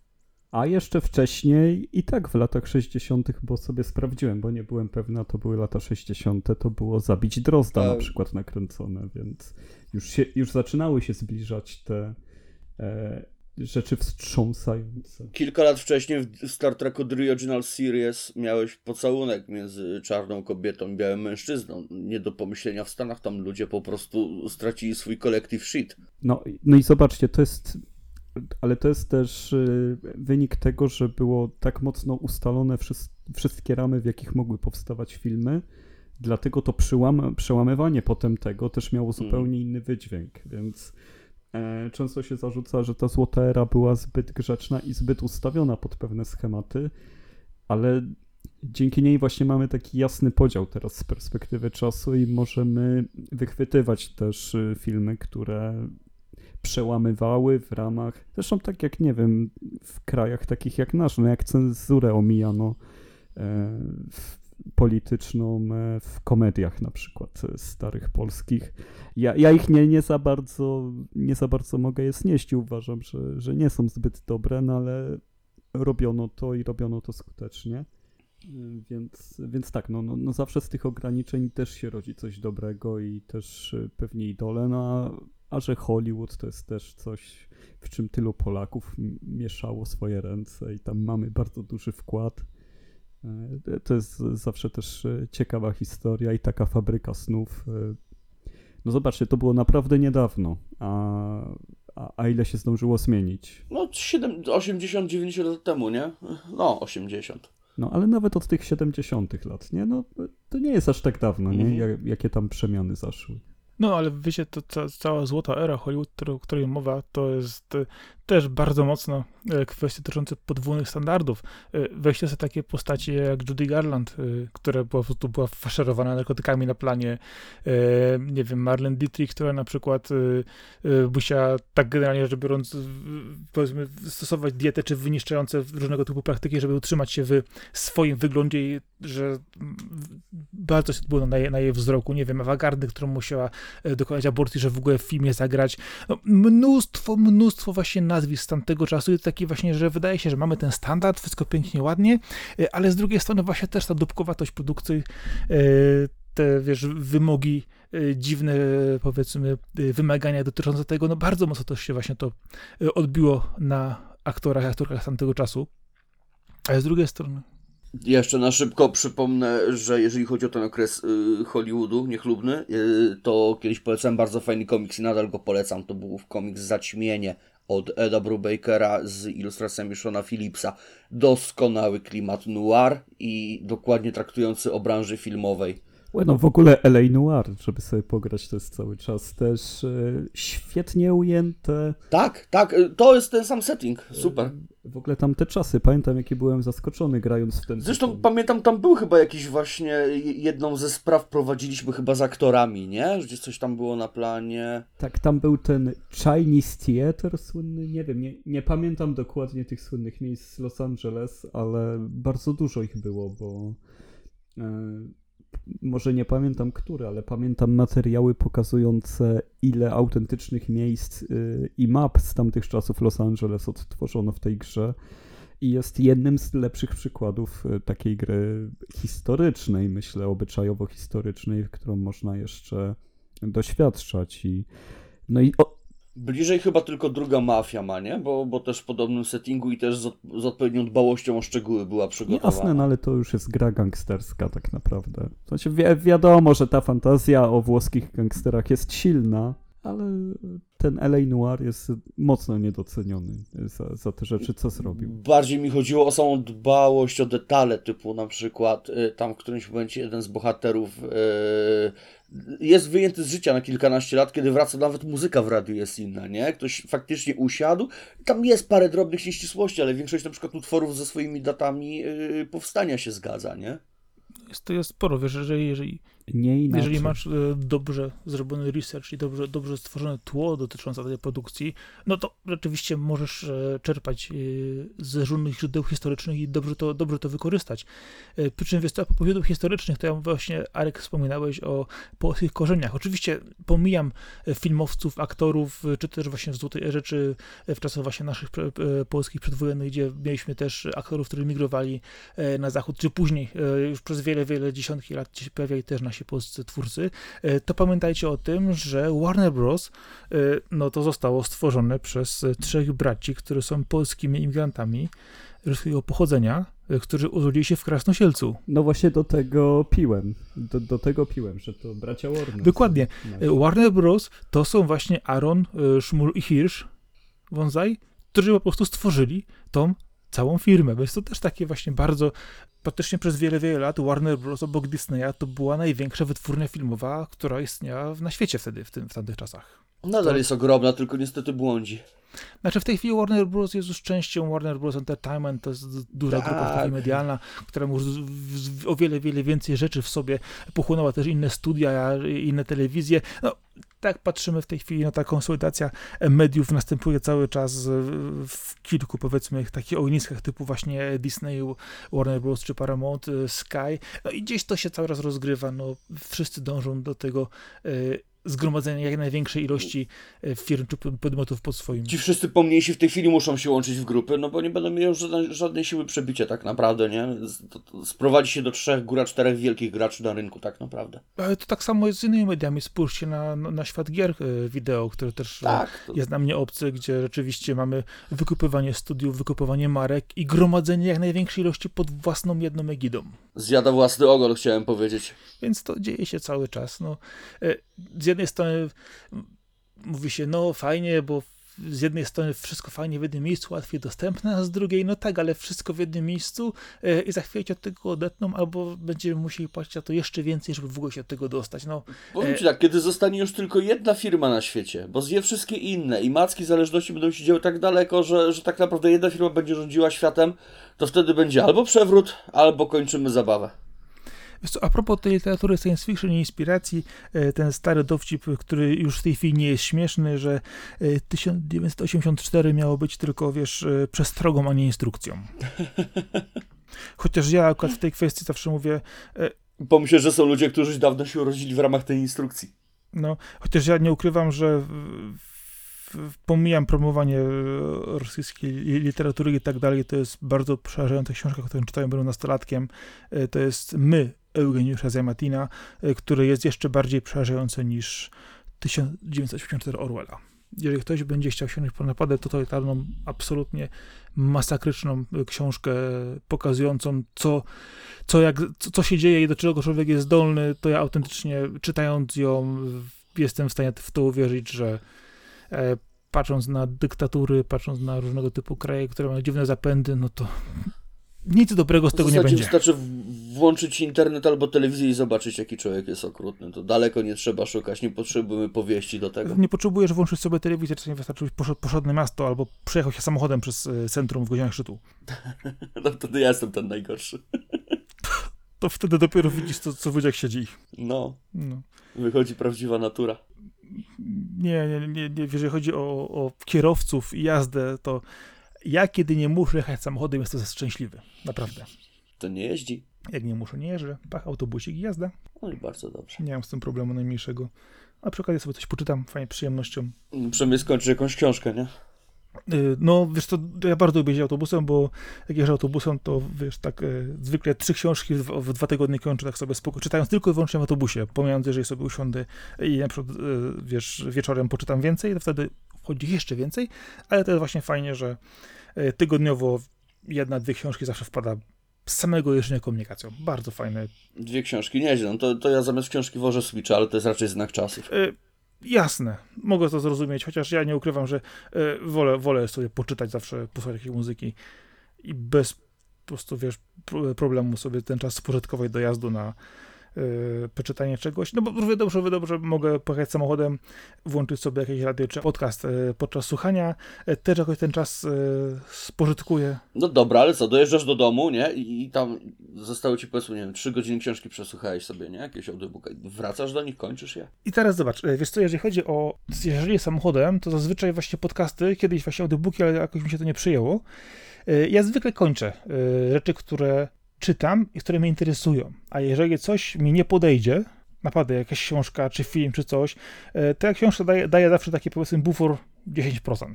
No ale to musi być naprawdę słaba na przykład, nie? Ale co jeżeli e, pojawia się na przykład w międzyczasie coś innego, co cię odciąga od poprzedniej rzeczy, która odciągnie cię od jeszcze poprzedniej rzeczy? Radzisz sobie z czymś takim? nie. Ile gier skończyłeś w zeszłym roku?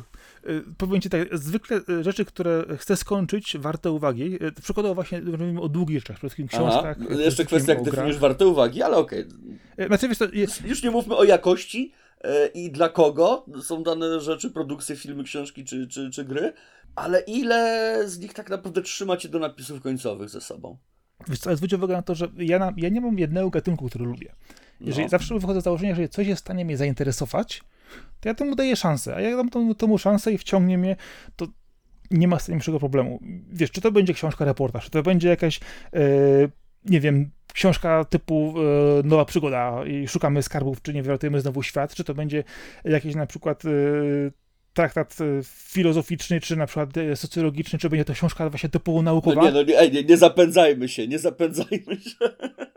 Ale o to właśnie chodzi. Okej, rozumiem, że chcesz różnorodność przedstawić. Tak, ja nie mam z tym problemu, wiesz, y, ja nie zamykam się na jednej kategorii. Oczywiście mam swoje ulubione rzeczy, które lubię czytać bardziej, y, ale jeżeli coś będzie na tyle interesujące i na tyle wciągające, że y, spowoduje to, że ja, wiesz, poczuję to, ej, to mi się podoba, to jest fajne, to jest coś nowego, coś się dowiaduję, rozwijam się, to jakiego to będzie gatunku? Panie, ja potrafiłem przeczytać nawet, nawet romans kiedyś, jeden czy drugi. Okej, mi się zdarzyło czytać roman Sidła, ale to był raczej w wykonaniu mangowym, bo raczej dlatego, że chłonąłem mangi, a nie dlatego, że chciałem poczytać romansa. Mm, Okej, ale chodzi o to, że nie zamknąłeś się na inny gatunek. Nie, w żadnym wypadku. Wiesz, wydaje mi się, że tutaj ważną w tą kwestią jest też to, jakiej jakości jest e, to, co otrzymujemy jako odbiorca, Mm. wiesz? Przykładem podam na przykład taki musical jak Hamilton. Ja nienawidzę musicali. Ja nie lubię, jak ktoś mi śpiewa w moich filmach, nie? Ale na zapętleniu soundtrack z tymi, nie połowy tych utworów znam na pamięć, a sam musical widziałem parokrotnie. No, ciężko mi czytać, czy 5 czy 10 razy. Widziałem go parokrotnie. No, Hamilton jest akurat takim przykładem, e, gdzie ludzie, Bo raz nie coś zażarło, nie? Raz się, tak się, tak się wszystkie elementy yy, ładnie skupiły, że, że trafiły wszystkie, nie? Do mnie, tam, tam, gdzie, był, tam gdzie trzeba było. Okej, ale zwróć uwagę, na przykład wracając do złotej ery e, Hollywood lat 60., 50., to wtedy też przykładowo kręcono dużo muzykali czy filmów muzycznych, e, tanecznych. Weź sobie Freda Astera, weź sobie mnóstwo gwiazd w czasie śpiewających. Mam w ogóle wrażenie, że wtedy było tego dużo więcej, nie? E, Zdecydowanie, bo taka była potrzeba rynku też wtedy. To był też gat, e, gatunek, rodzaj, no, e, który wtedy bardzo dobrze się spisywał i wyglądał to. W tej W chwili sumie mam patrzę na- teorię. Y, Ludzie chodzili na różne występy artystyczne, kabaretowe, tym podobne sprawy, okej. Więc najpierw mieli tę styczność z, z muzyką. E, zaczęły się pojawiać filmy, jeszcze ludzie nie, nie bardzo może same, jeszcze tęsknią może za starą formą i dlatego to połączenie im razem działa, nie? A potem zostaliśmy Bollywood? nie znam się na tym, ale to ciekawy w sumie pomysł. Okej, ale wiesz co, może spojrzę na to jeszcze w taki sposób.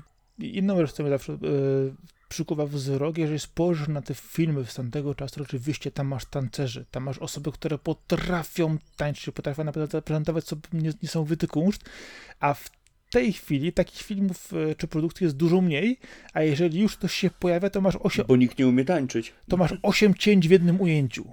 Wiesz, tak to, to nie tędy droga, nie tak to wygląda, nie? No nie. O, przepraszam bardzo, y, w ostatnich latach widzieliśmy przepiękną scenę tańca i to było w ostatniej nocy w Soho y, Edgara Wrighta i tam jest przepięknie nakręcona scena na jednym ujęciu kamery, bez cięcia, z ręki. Dwie aktorki podmieniały się za kadrem, tworząc iluzję jakby dwóch różnych Lustra. postaci tańczących z jedną osobą, tak, lustra. To było nakręcone bez ani jednego efektu specjalnego. To był zdolny kamerzysta kręcący z ręki. Pamięć mięśniowa. y, jeżeli chodzi o Brawo. Last Night, Last Night in Soho, to jest, stojące.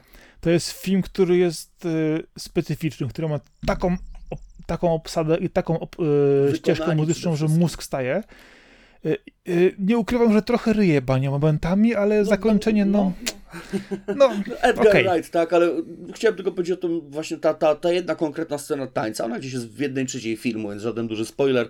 Yy, ona zrobiła ogromne wrażenie, szczególnie kiedy obejrzy się, na YouTubie można znaleźć taki krótki dokument odnośnie kilku filmów Edga, Edgara Wrighta, tam włącznie z Hot Fuzz, jeszcze czymś innym.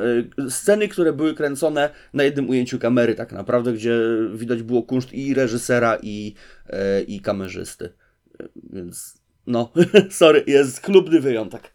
Dobra, ale mamy filmy, mamy serial, mamy gry, mamy książki, których, tak pytałeś wcześniej, mówiłeś, że nie kończymy. To w takim razie, dlaczego wy czasami czegoś nie kończycie? Z jakiego powodu? No słuchaj, jeżeli chodzi o serial, to zazwyczaj jest tak, że. e, Znaczy, u siebie zauważyłem coś takiego.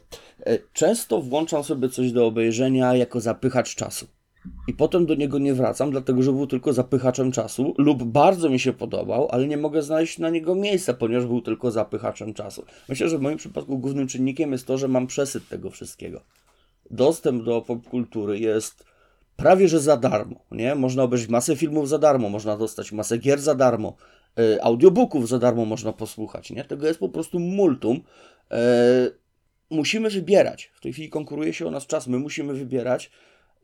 Jeżeli coś nie złapie nas od samego początku e, czymś szczególnym, czymś specjalnym, to nie wiem, u serialu pomyślimy, no kolejny, no kolejny kryminał, nie? Kolej, kolejne CSI, no nic szczególnego, nie? No musimy mieć sobie to coś, co nas przykuje na dłużej, ale to, to nie jest takie proste, bo nie, no jest zbyt dużo czynników tak naprawdę. Każdy ma inny gust, do każdego coś innego trafia. Jedno przykuje uwagę u jednych osób i u innych to znudzi dany serial na przykład, nie?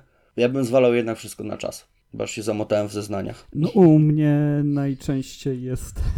U mnie najczęściej jest tak, że pojawia się nowa rzecz, na którą jestem tak nakręcony, że... Pycha na drugi plan poprzednią. że, że spycha na drugi plan poprzednią, ale też y, kompletnie nauczyłem się y, nawet po wielu godzinach zainwestowanych powiedzieć nie, to już mnie nie bawi i, i nie dokańczać na siłę.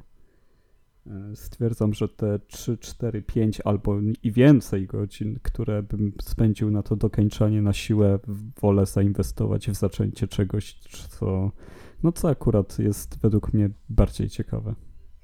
Jakby samo za, zaliczanie tych wszystkich rzeczy, co obejrzałem, co skończyłem, to przeczytałem, to jest super. Mam, mam kajecik, gdzie sobie te rzeczy spisuję. Sobie spisuję po prostu te tytuły i jeżeli je skończę, to obok stawiam ptaszka, a jeżeli nie, no to jest bez tego. I mam nawet zaczęte rzeczy wypisane, ale też nieskończone i, i wiem, y, ilu rzeczy spróbowałem, a, ilu, że, a ile rzeczy dokończyłem w ciągu roku dzięki temu. A powiedz mi, jaki jest czas powrotu do jakiejś rzeczy? Czy w ogóle jest to wykonalne w jakimś zakresie, czy jest to coś, czemu nie dałeś w jakiś sposób rady i to odeszło już na zawsze, czy to jest coś, co y, w pewnym momencie stwierdzisz, a dałem temu szansę jeszcze raz i tam poświęcę temu ponownie parę godzin? E, No, czasami powracam, ale to też się zabieram długo w sobie, bo zwykle wtedy od początku lecę, zamiast od momentu, gdzie przerwałem, bo, bo tak, e, obecnie nadrabiam. Obecnie nadrabiam sobie. Mój najczęstszy problem właśnie jest to, nie? Że, że włączasz grę po, po pół roku przerwy i nie pamiętam sterowania, nie? Albo gdzie miałem iść i co miałem zrobić. To jest jeszcze do, do zrobienia, bo teraz jest dosyć łatwo. Mm, gorzej jak zgubisz ważny wątek fabularny. To też najczęściej już jest na mapie. Nie, to nie jest tak źle, ale w ogóle ten rozpęd cały lubię mieć. E, Samo to wchodzenie od zera jest. mm, Od zera, od- któregoś momentu, kiedy się miało długą przerwę, jest na tyle męczący, że, że wolę sobie to zacząć. A teraz sobie oglądam od nowa w międzyczasie, kiedy mam te 20 parę minut wolnych, to Atak Tytanów na przykład. Bo Chyba ostatni sezon się zbliża, czy już wyszedł, nie? no właśnie się bardzo zbliża. W listopadzie będzie wielki finał, już koniec, koniec.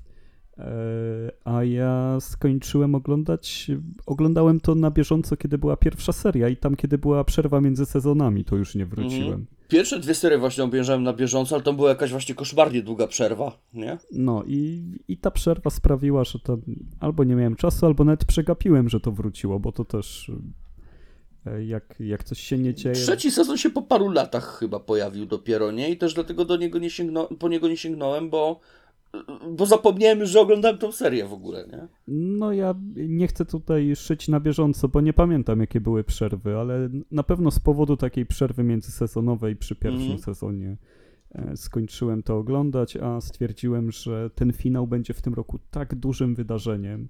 E, To jest ten moment, na który chcę się załapać. To jest podobnie jak, nie wiem, jak był tysięczny odcinek One Piece'a, no to wiedziałem, że nie nadrobię 999 z tym, że no czułem to, że jak jeżeli są ludzie, którzy obejrzeli tyle odcinków i czekają na ten tysięczny i on jeszcze ich zadowoli, no to to musi być mega przeżycie.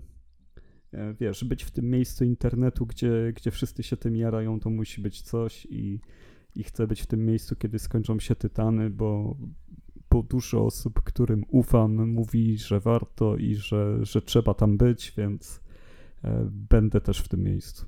Sobie dogonię do listopada to wszystko. Na pewno zdążysz. A tego jest więcej niż myślałem tak w ogóle, jak teraz sprawdziłem, bo tam są jakieś e, retrospektywne rzeczy, chyba jakieś minifilmy. Tam były jakieś dwa spin, dwie takie spin-offowe chyba serie właśnie, nie? Tam, tam się działo trochę wokoło. Mhm. No to się rozrosło bardziej niż myślałem, no. Więc tak, Atak Tytanów nadrabiam i polecam każdemu, żeby nadrabiać, bo mamy kwiecień, więc, więc akurat do listopada się, się zagrzejecie i, i możecie na spokojnie to Ja, się- ja się przyłączam też do tego apelu, bo Attack on Titan to bardzo fajna seria. Ja rozumiem, że się ludziom podoba, je- do mnie akurat nie zagryzło, ale wiadomo, to kwestia gustu, a może też właśnie to, co mówicie, czasu, czasu. Czasami po prostu czasu też na, e, że wybierasz jednak czemu poświęcisz ten czas, co najbardziej chciałbyś obejrzeć, e, bądź też przeczytać E, i to się po prostu jakoś tak, no, rozkłada emocjonalnie w różny sposób, a czasami jest też tak, że obejrzysz jakiejś serii, przykładowo na przykład anime, jedną, dwie części i stwierdzam, że no nie, to mi jednak nie, nie, daje, nie daje zagryźć, a inną serię włączam pierwszą część, po czym okazuje się, że trzy godziny później jestem już, wiesz, w, na drugim sezonie.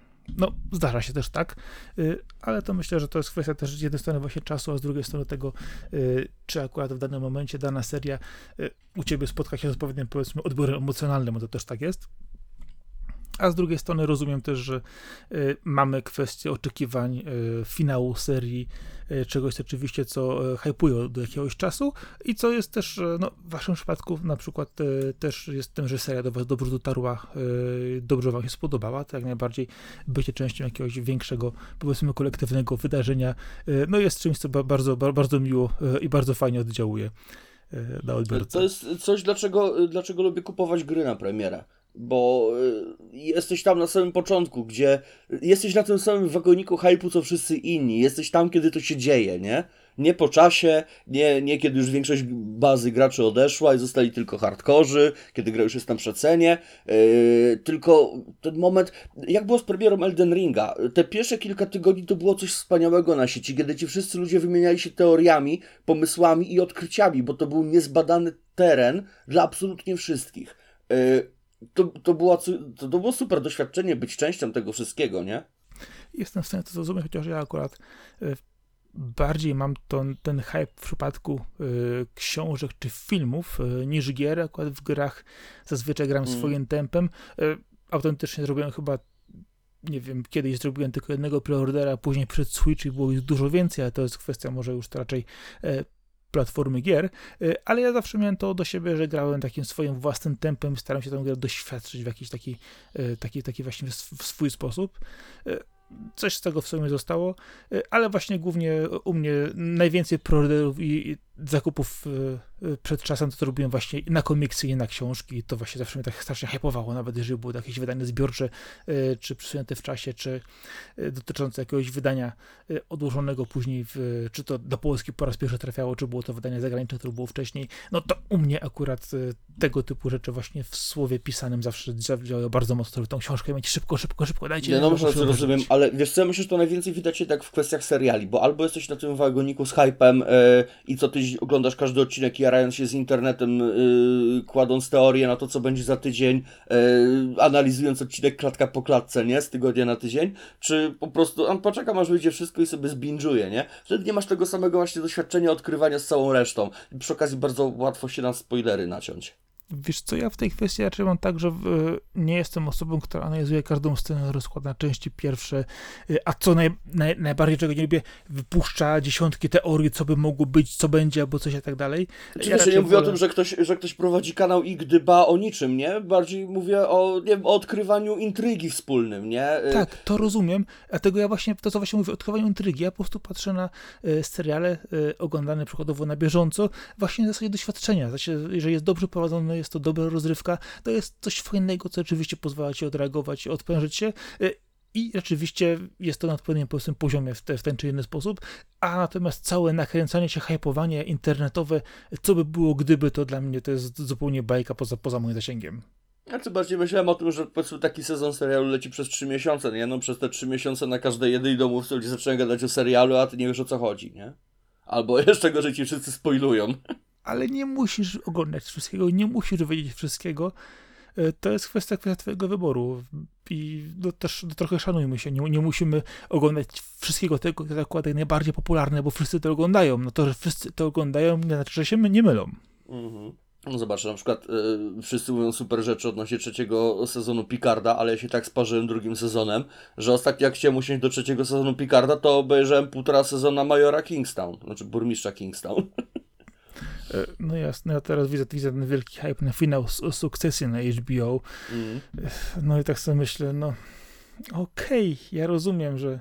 E, Król się skończył już na Kanal Plus. Bardzo polecali mi serial, muszę koniecznie do niego usiąść. Ach, to jest to jest ekranizacja książki, bodajże pamiętam. Tak, tak, tak, tak, tak. Tak, tak, tak, tak, Twardocha. To tak, Twardocha, pana tak Szczepana jest, Twardocha. Tak. tak jest, tak jest, kojarzę, kojarzę. Bo to właśnie niedawno był finał, kilka osób z mojego otoczenia mówiło, że absolutnie warto, nie? To będzie trzeba chyba kupić Kanal Plus na jakiś miesiąc. Ja Chyba, tam jeszcze jeden serial chyba jest, nie? Jeszcze coś było. Mm, coś o filmie pogrzebowej? To, to było Kanal Plus? Tak, z Więckiewiczem. Ty, ty... E, jejku, teraz mi No ale wiesz o czym mówię. Dobra, dobra, dobra. Tak. No, to, to mam e... dwa argumenty, żeby wziąć ten miesiąc Kanal Plus. Wiesz co, dam, dam ci trzeci. E, mhm. Serial krym, polski kryminał. Ja, ja, ja, wiadomo, kryminałów polskich jest na tonę i mnóstwo rzeczy się no dzieje. No właśnie, powiem ci, że właśnie Kruk. za bardzo nie ma. Nie. Kruk. Zobacz sobie, to jest coś, co warto obejrzeć. Zacznę i nie skończę. E, wiesz co... Pamiętasz serial HBO, który dział się w Bieszczadach, kryminalny? Nie. Jak on się nazywał? Nie wiem. Eee, zapomniałem. Oczywiście, oczywiście ta cza, cza, czarna dziura w mózgu, zaraz będę musiał sprawdzić. Do, eee, do czasu, aż, aż wystartował HBO Max, to przez kilkanaście lat miałem absolutnie w poważaniu HBO i ich ofertę, więc nie wiem, co się tam działo. Dla mnie to jest niezbadany ląd. Wiesz co, mówimy o Watasa, Wataha. Wataha z tytułu kojarzę i widziałem nawet jakieś odcinki piąte przez dziesiąte, ale nie mam całego kontekstu. Wataha jest bardzo dobrym, bardzo dobrym serialem, naprawdę tak, świetnie zrobionym.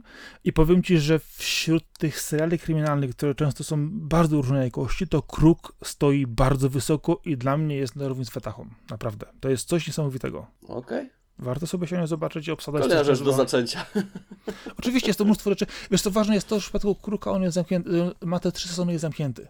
A, trzy Wataha sezony, okej. Okay. Mhm. Tak, Wataha jest zawsze zamknięta, więc tu jest też to, że y, te, pomimo tego stale, że mają trochę części, to oglądając je wiesz, że one mają zakończenie.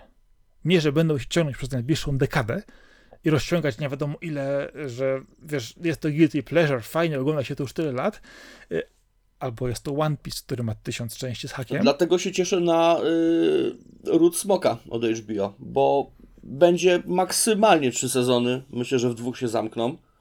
Jest to skondensowana seria i dlatego ogląda się to lepiej niż Gra o Tron, bo Gra o Tron wciąż nie ma finału książkowego, a tu przynajmniej wiemy z czym mamy do czynienia i jak na to co robią jest super, więc to może być lepsze niż oryginał tak naprawdę niż pierwowzór, o może tak, bo ciężko mówić o oryginale, jeżeli to to samo uniwersum tego samego autora. No, mnie ciekawi, czy Arek się doczeka tego finału książkowego. Ach, ja bym chciał, wiesz, bo ja tak jak Arek czekam z tymi półkami. Wolne miejsce na półce jest cały czas, nie? Tylko książek jakoś nie widzę. Ja już nawet nie chcę. idź, a idź Martin, weź to. No. Tylko żeby wstał i powiedział, dobra, to, to nie ma sensu, ja już tego nie skończę. Albo żeby skończył to jeszcze gorzej i głupiej niż HBO. Ale mógł to powiedzieć 15 lat temu, nie? No rozumiem, że chciał zebrać e, fortunę na koncie, ale tak, no całe zaangażowanie mi przeszło. To, to się tak rozmyło w przykry sposób. No, no, no. Bardzo przykro, bo ja złapałem te książki, kiedy one startowały tak naprawdę. Parę lat po tym, jak pierwsza część wyszła, e, wtedy trzeci tom dopiero miał wychodzić, nie? Ten trzeci w dwóch częściach. I ja to wtedy pochłonąłem praktycznie jednym ciągiem. Myślałem, te książki przeczytałem dwa razy, czekałem na kolejną, nie? E, Ale e, minęło W 15 podobnym lat. Słuchaj, minęło musieliśmy 15 zacząć. lat, ja już zapomniałem, co czytałem, nie? I to miejsce puste stoi i kurz zbiera. Też chyba straciłem już nadzieję. No właśnie, to jest w tej kwestii tego, czy skończycie te książki, tą serię. I to z innego powodu. Tak, tylko że widzisz, to nie zależy od nas, no nie? No właśnie, z zupełnie innego powodu. Tak, odnośnie, odnośnie niekończenia, y, powiem Ci, jeżeli chodzi o gry, dlaczego nie kończę y, single playerów, bo głównie nie gram single playery, dlatego że skutecznie moja uwaga została przykuta przez y, y, może nie tyle gry usługi, co gry z naciskiem na elementy sieciowe, tak? Takiego Diablo nie skończysz, bo znaczy, okej, może powiedzieć, przeszedłem fabułę, nie? Ale dopiero wtedy gra się otwiera. Takiego Division też, no okej, może skończyć fabułę, nie? Ale to dopiero otwarcie do całego grindu, nie? Yy, grając takie tytuły, ciężko tak naprawdę jest coś kończyć, bo moja uwaga jest skutecznie odciągana przez te wszystkie e, psychologiczne sztuczki typu sezon tutaj, sezon tam, nie? Po prostu jakby sposób odbierania tego się zmienił. Tak samo też e, więcej moich znajomych na przykład słucha podcastów czy ogląda seriale na prędkości 1,5. Bo y, wciąż przyjmują tą wiedzę, wciąż się nie gubią, wiedzą o co chodzi, ale już oszczędzają trochę czasu. My jesteśmy nawykli w tej chwili do chłonięcia popkultury z kilku źródeł naraz. Komu się zdarzyło, yy, każdemu praktycznie podejrzewam się zdarzyło, słuchanie czegoś i granie w coś innego w tym czasie. Albo nie, serial na drugim ekranie, kiedy ciśniesz coś tam w cywilizację z chłopakami, dajmy na to. Podejrzewam, że my nie kończymy gier tylko dlatego, czy, czy w ogóle książek, czy filmów, przepraszam, seriali, yy, dlatego, że, że mamy uwagę i skupienie złotej rybki, tak? Mamy przebodźcowanie tym wszystkim. Nie wiemy, za którą rzecz złapać naraz, a najchętniej byśmy robili wszystkie rzeczy naraz. Tylko, że się nie da. I coś odpada. Często podświadomie. Nie dlatego, że było złe, tylko dlatego, że już minęło zbyt dużo czasu, żeby do tego wrócić. Tak myślę. Moje zdanie. Mówię, mówię po sobie.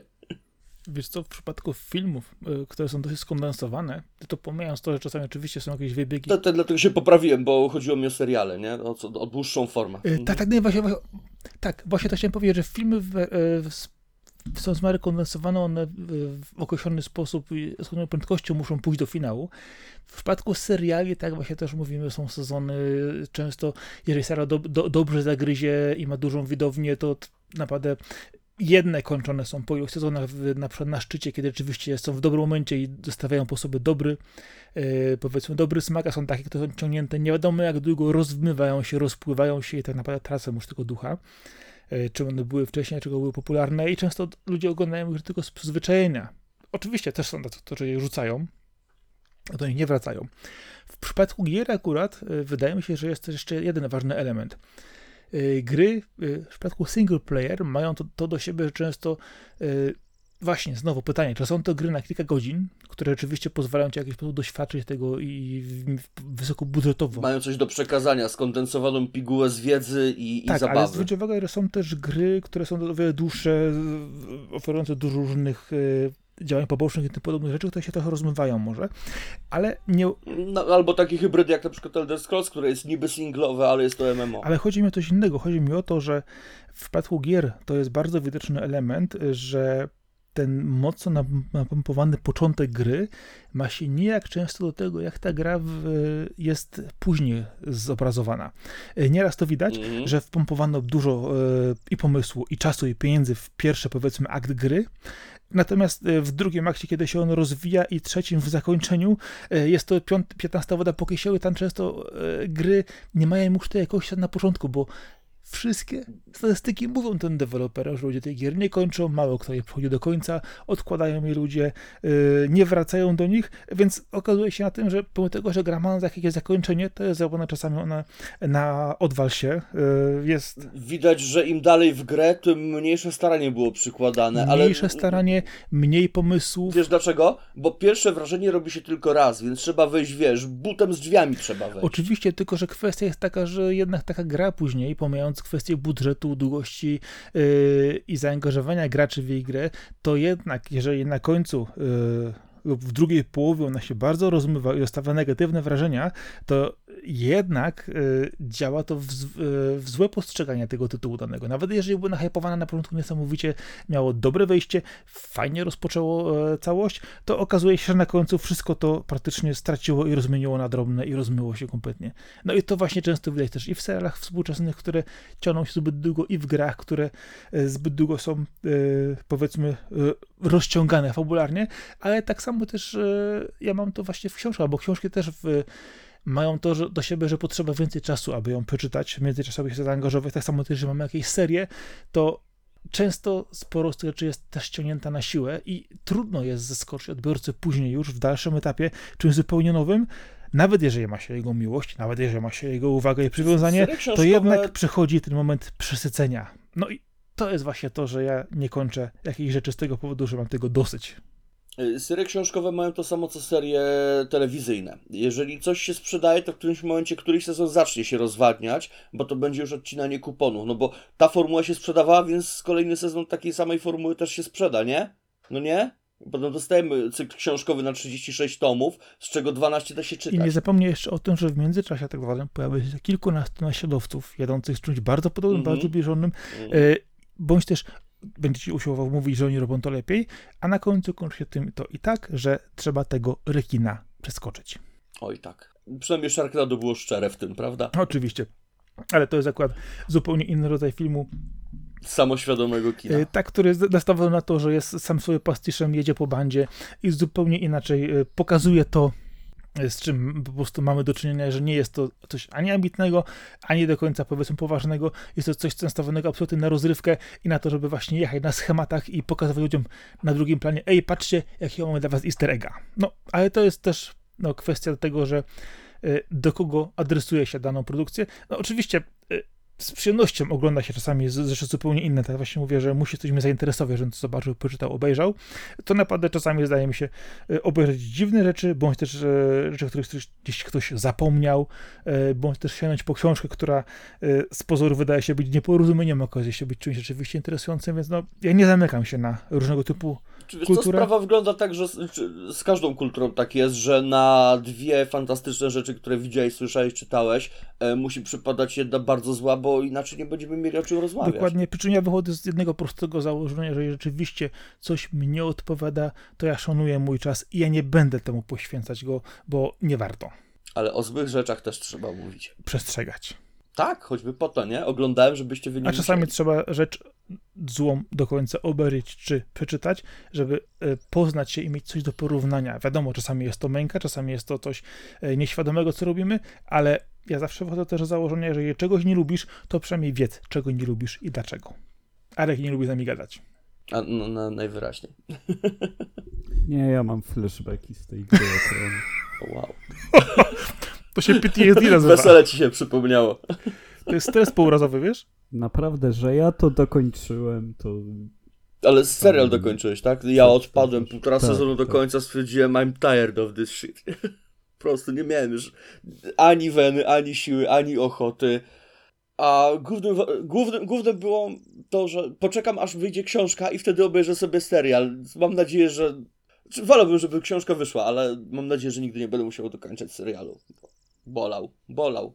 wiesz, tam była bitwa z tymi ludźmi z Zamuru, czy też nie wiem, bardziej, bardziej z tymi e, upiorami, co tam były, czy tam ludzie zimy. Nie pamiętam nawet, jak się nazywali. To ja fast for, forward robiłem, bo mówię, Dzicy. dobra, Nie, dzi- nie, właśnie nie dzicy. E, o, nie dzicy, ci, ci właśnie upiorni dzicy. no. E, to robiłem, przesuwałem, bo mówię, no dobra, no przecież tutaj nikt nie umrze, no, no Gra o tron, nikt nie umrze. My Sweet Summer Child. No i nikt nie umarł. I nikt nie umarł, powiem ci. Tam, tam tylko było coraz bardziej dramatycznie, ale nic z tego nie wynikało. E, więc tak, no zmęczenie materiału to jest coś, co chyba najczęściej odtrąca od e, dokończenia rzeczy. To rozwlekanie wątków. No, w pewnym momencie granica jest tak przesunięta, że, że już się nie ma siły. To jest tak jak w grach z otwartym światem, ile razy można jechać z punktu w punkt, żeby wyeliminować cel w ten sam sposób. Tak długo jak dostajesz expy i ci się to nie znudzi. No ale to, to jest ta sama formuła od tylu lat, że, że trudno, żeby się nie znudziło. A expy... Znaczy, wiesz, ciężko, żebym się wypowiadał o powtarzalności, dlatego że masa gier, które akurat lubię, y, opierają się na powtarzalności. No tak, ty uwielbiasz ten sam przycisk naciskać w kółko, to jest... y, No przepraszam, nie, nie, nie. Ja lubię przyciskać na raz te kilkanaście przycisków. O, tak naprawdę to jest jeden wielki. Nie zgodzę się, ale niech ci będzie. Dobra, w tej kwestii na pewno nie osiągniemy porozumienia, y, gdyż y, klawiszologię można w grze zmienić, więc tutaj w tej kwestii się nie, nie dogadacie. Mm, Nie w każdej, nie w Okej. każdej. Nie w każdej. Co też, co też jest rantem na osobny temat, nie? Ale to nie dziś i nie tu. Dokładnie. Y, Tak też panowie. y, Krótko podsumowując, y, byliśmy w kosmosie, później odlecieliśmy w zupełnie inną stronę. I, ża- I żadnego tematu nie dokończyliśmy. Właśnie o to chodzi, że y, opowiadaliśmy o tym, czy da się da, y, skończyć daną grę, film, serial y, na pewno do końca i dlaczego jej nie kończymy. No, y, to wydaje się być teraz też taką współczesną plagą, y, że czegoś przy tym y, przebodźcowaniu do kultury rzeczywiście się nie dokończy, ale tak naprawdę, jeżeli coś rzeczywiście nam nie podchodzi, no to szanujmy, Że tak starym przysłowiem powiem, że tyle to i świnia nie zeżre. dokładnie, szanujmy po prostu swój czas y, y, i bierzmy te rzeczy, które nam bardziej odpowiadają.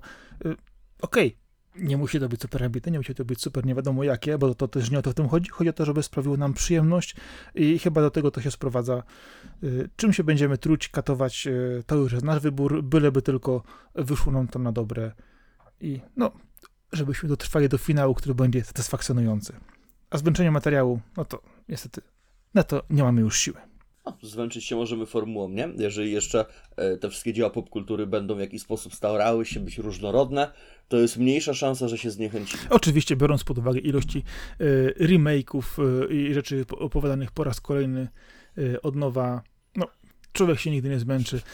To jest absurd. Moje dwie ulubione gry tego roku, obie są remake'ami. No, ale wiesz, mówi się, że y, y, kolejne pokolenia mogą, powinny mieć też szansę obejrzeć y, czy pograć nowe rzeczy, ale z drugiej strony można sięgnąć po stare filmy, po książki napisane przed wielu, wielu laty Nawet trzeba. i Nawet trzeba sięgnąć, żeby zobaczyć, jak to wyglądało z innego punktu w historii, z innej perspektywy. dokładnie doświadczyć tego w oryginale, doświadczyć tego w pierwotnej wersji. E, I co ważne, starać się zrozumieć świat, nie tylko ten, który jest wokół nas, który ciężko zrozumieć, ale też tego, e, ten świat, który był kiedyś, który troszkę jednak rodził się czasami innymi zasadami i troszkę inne miał wzorce kulturowe.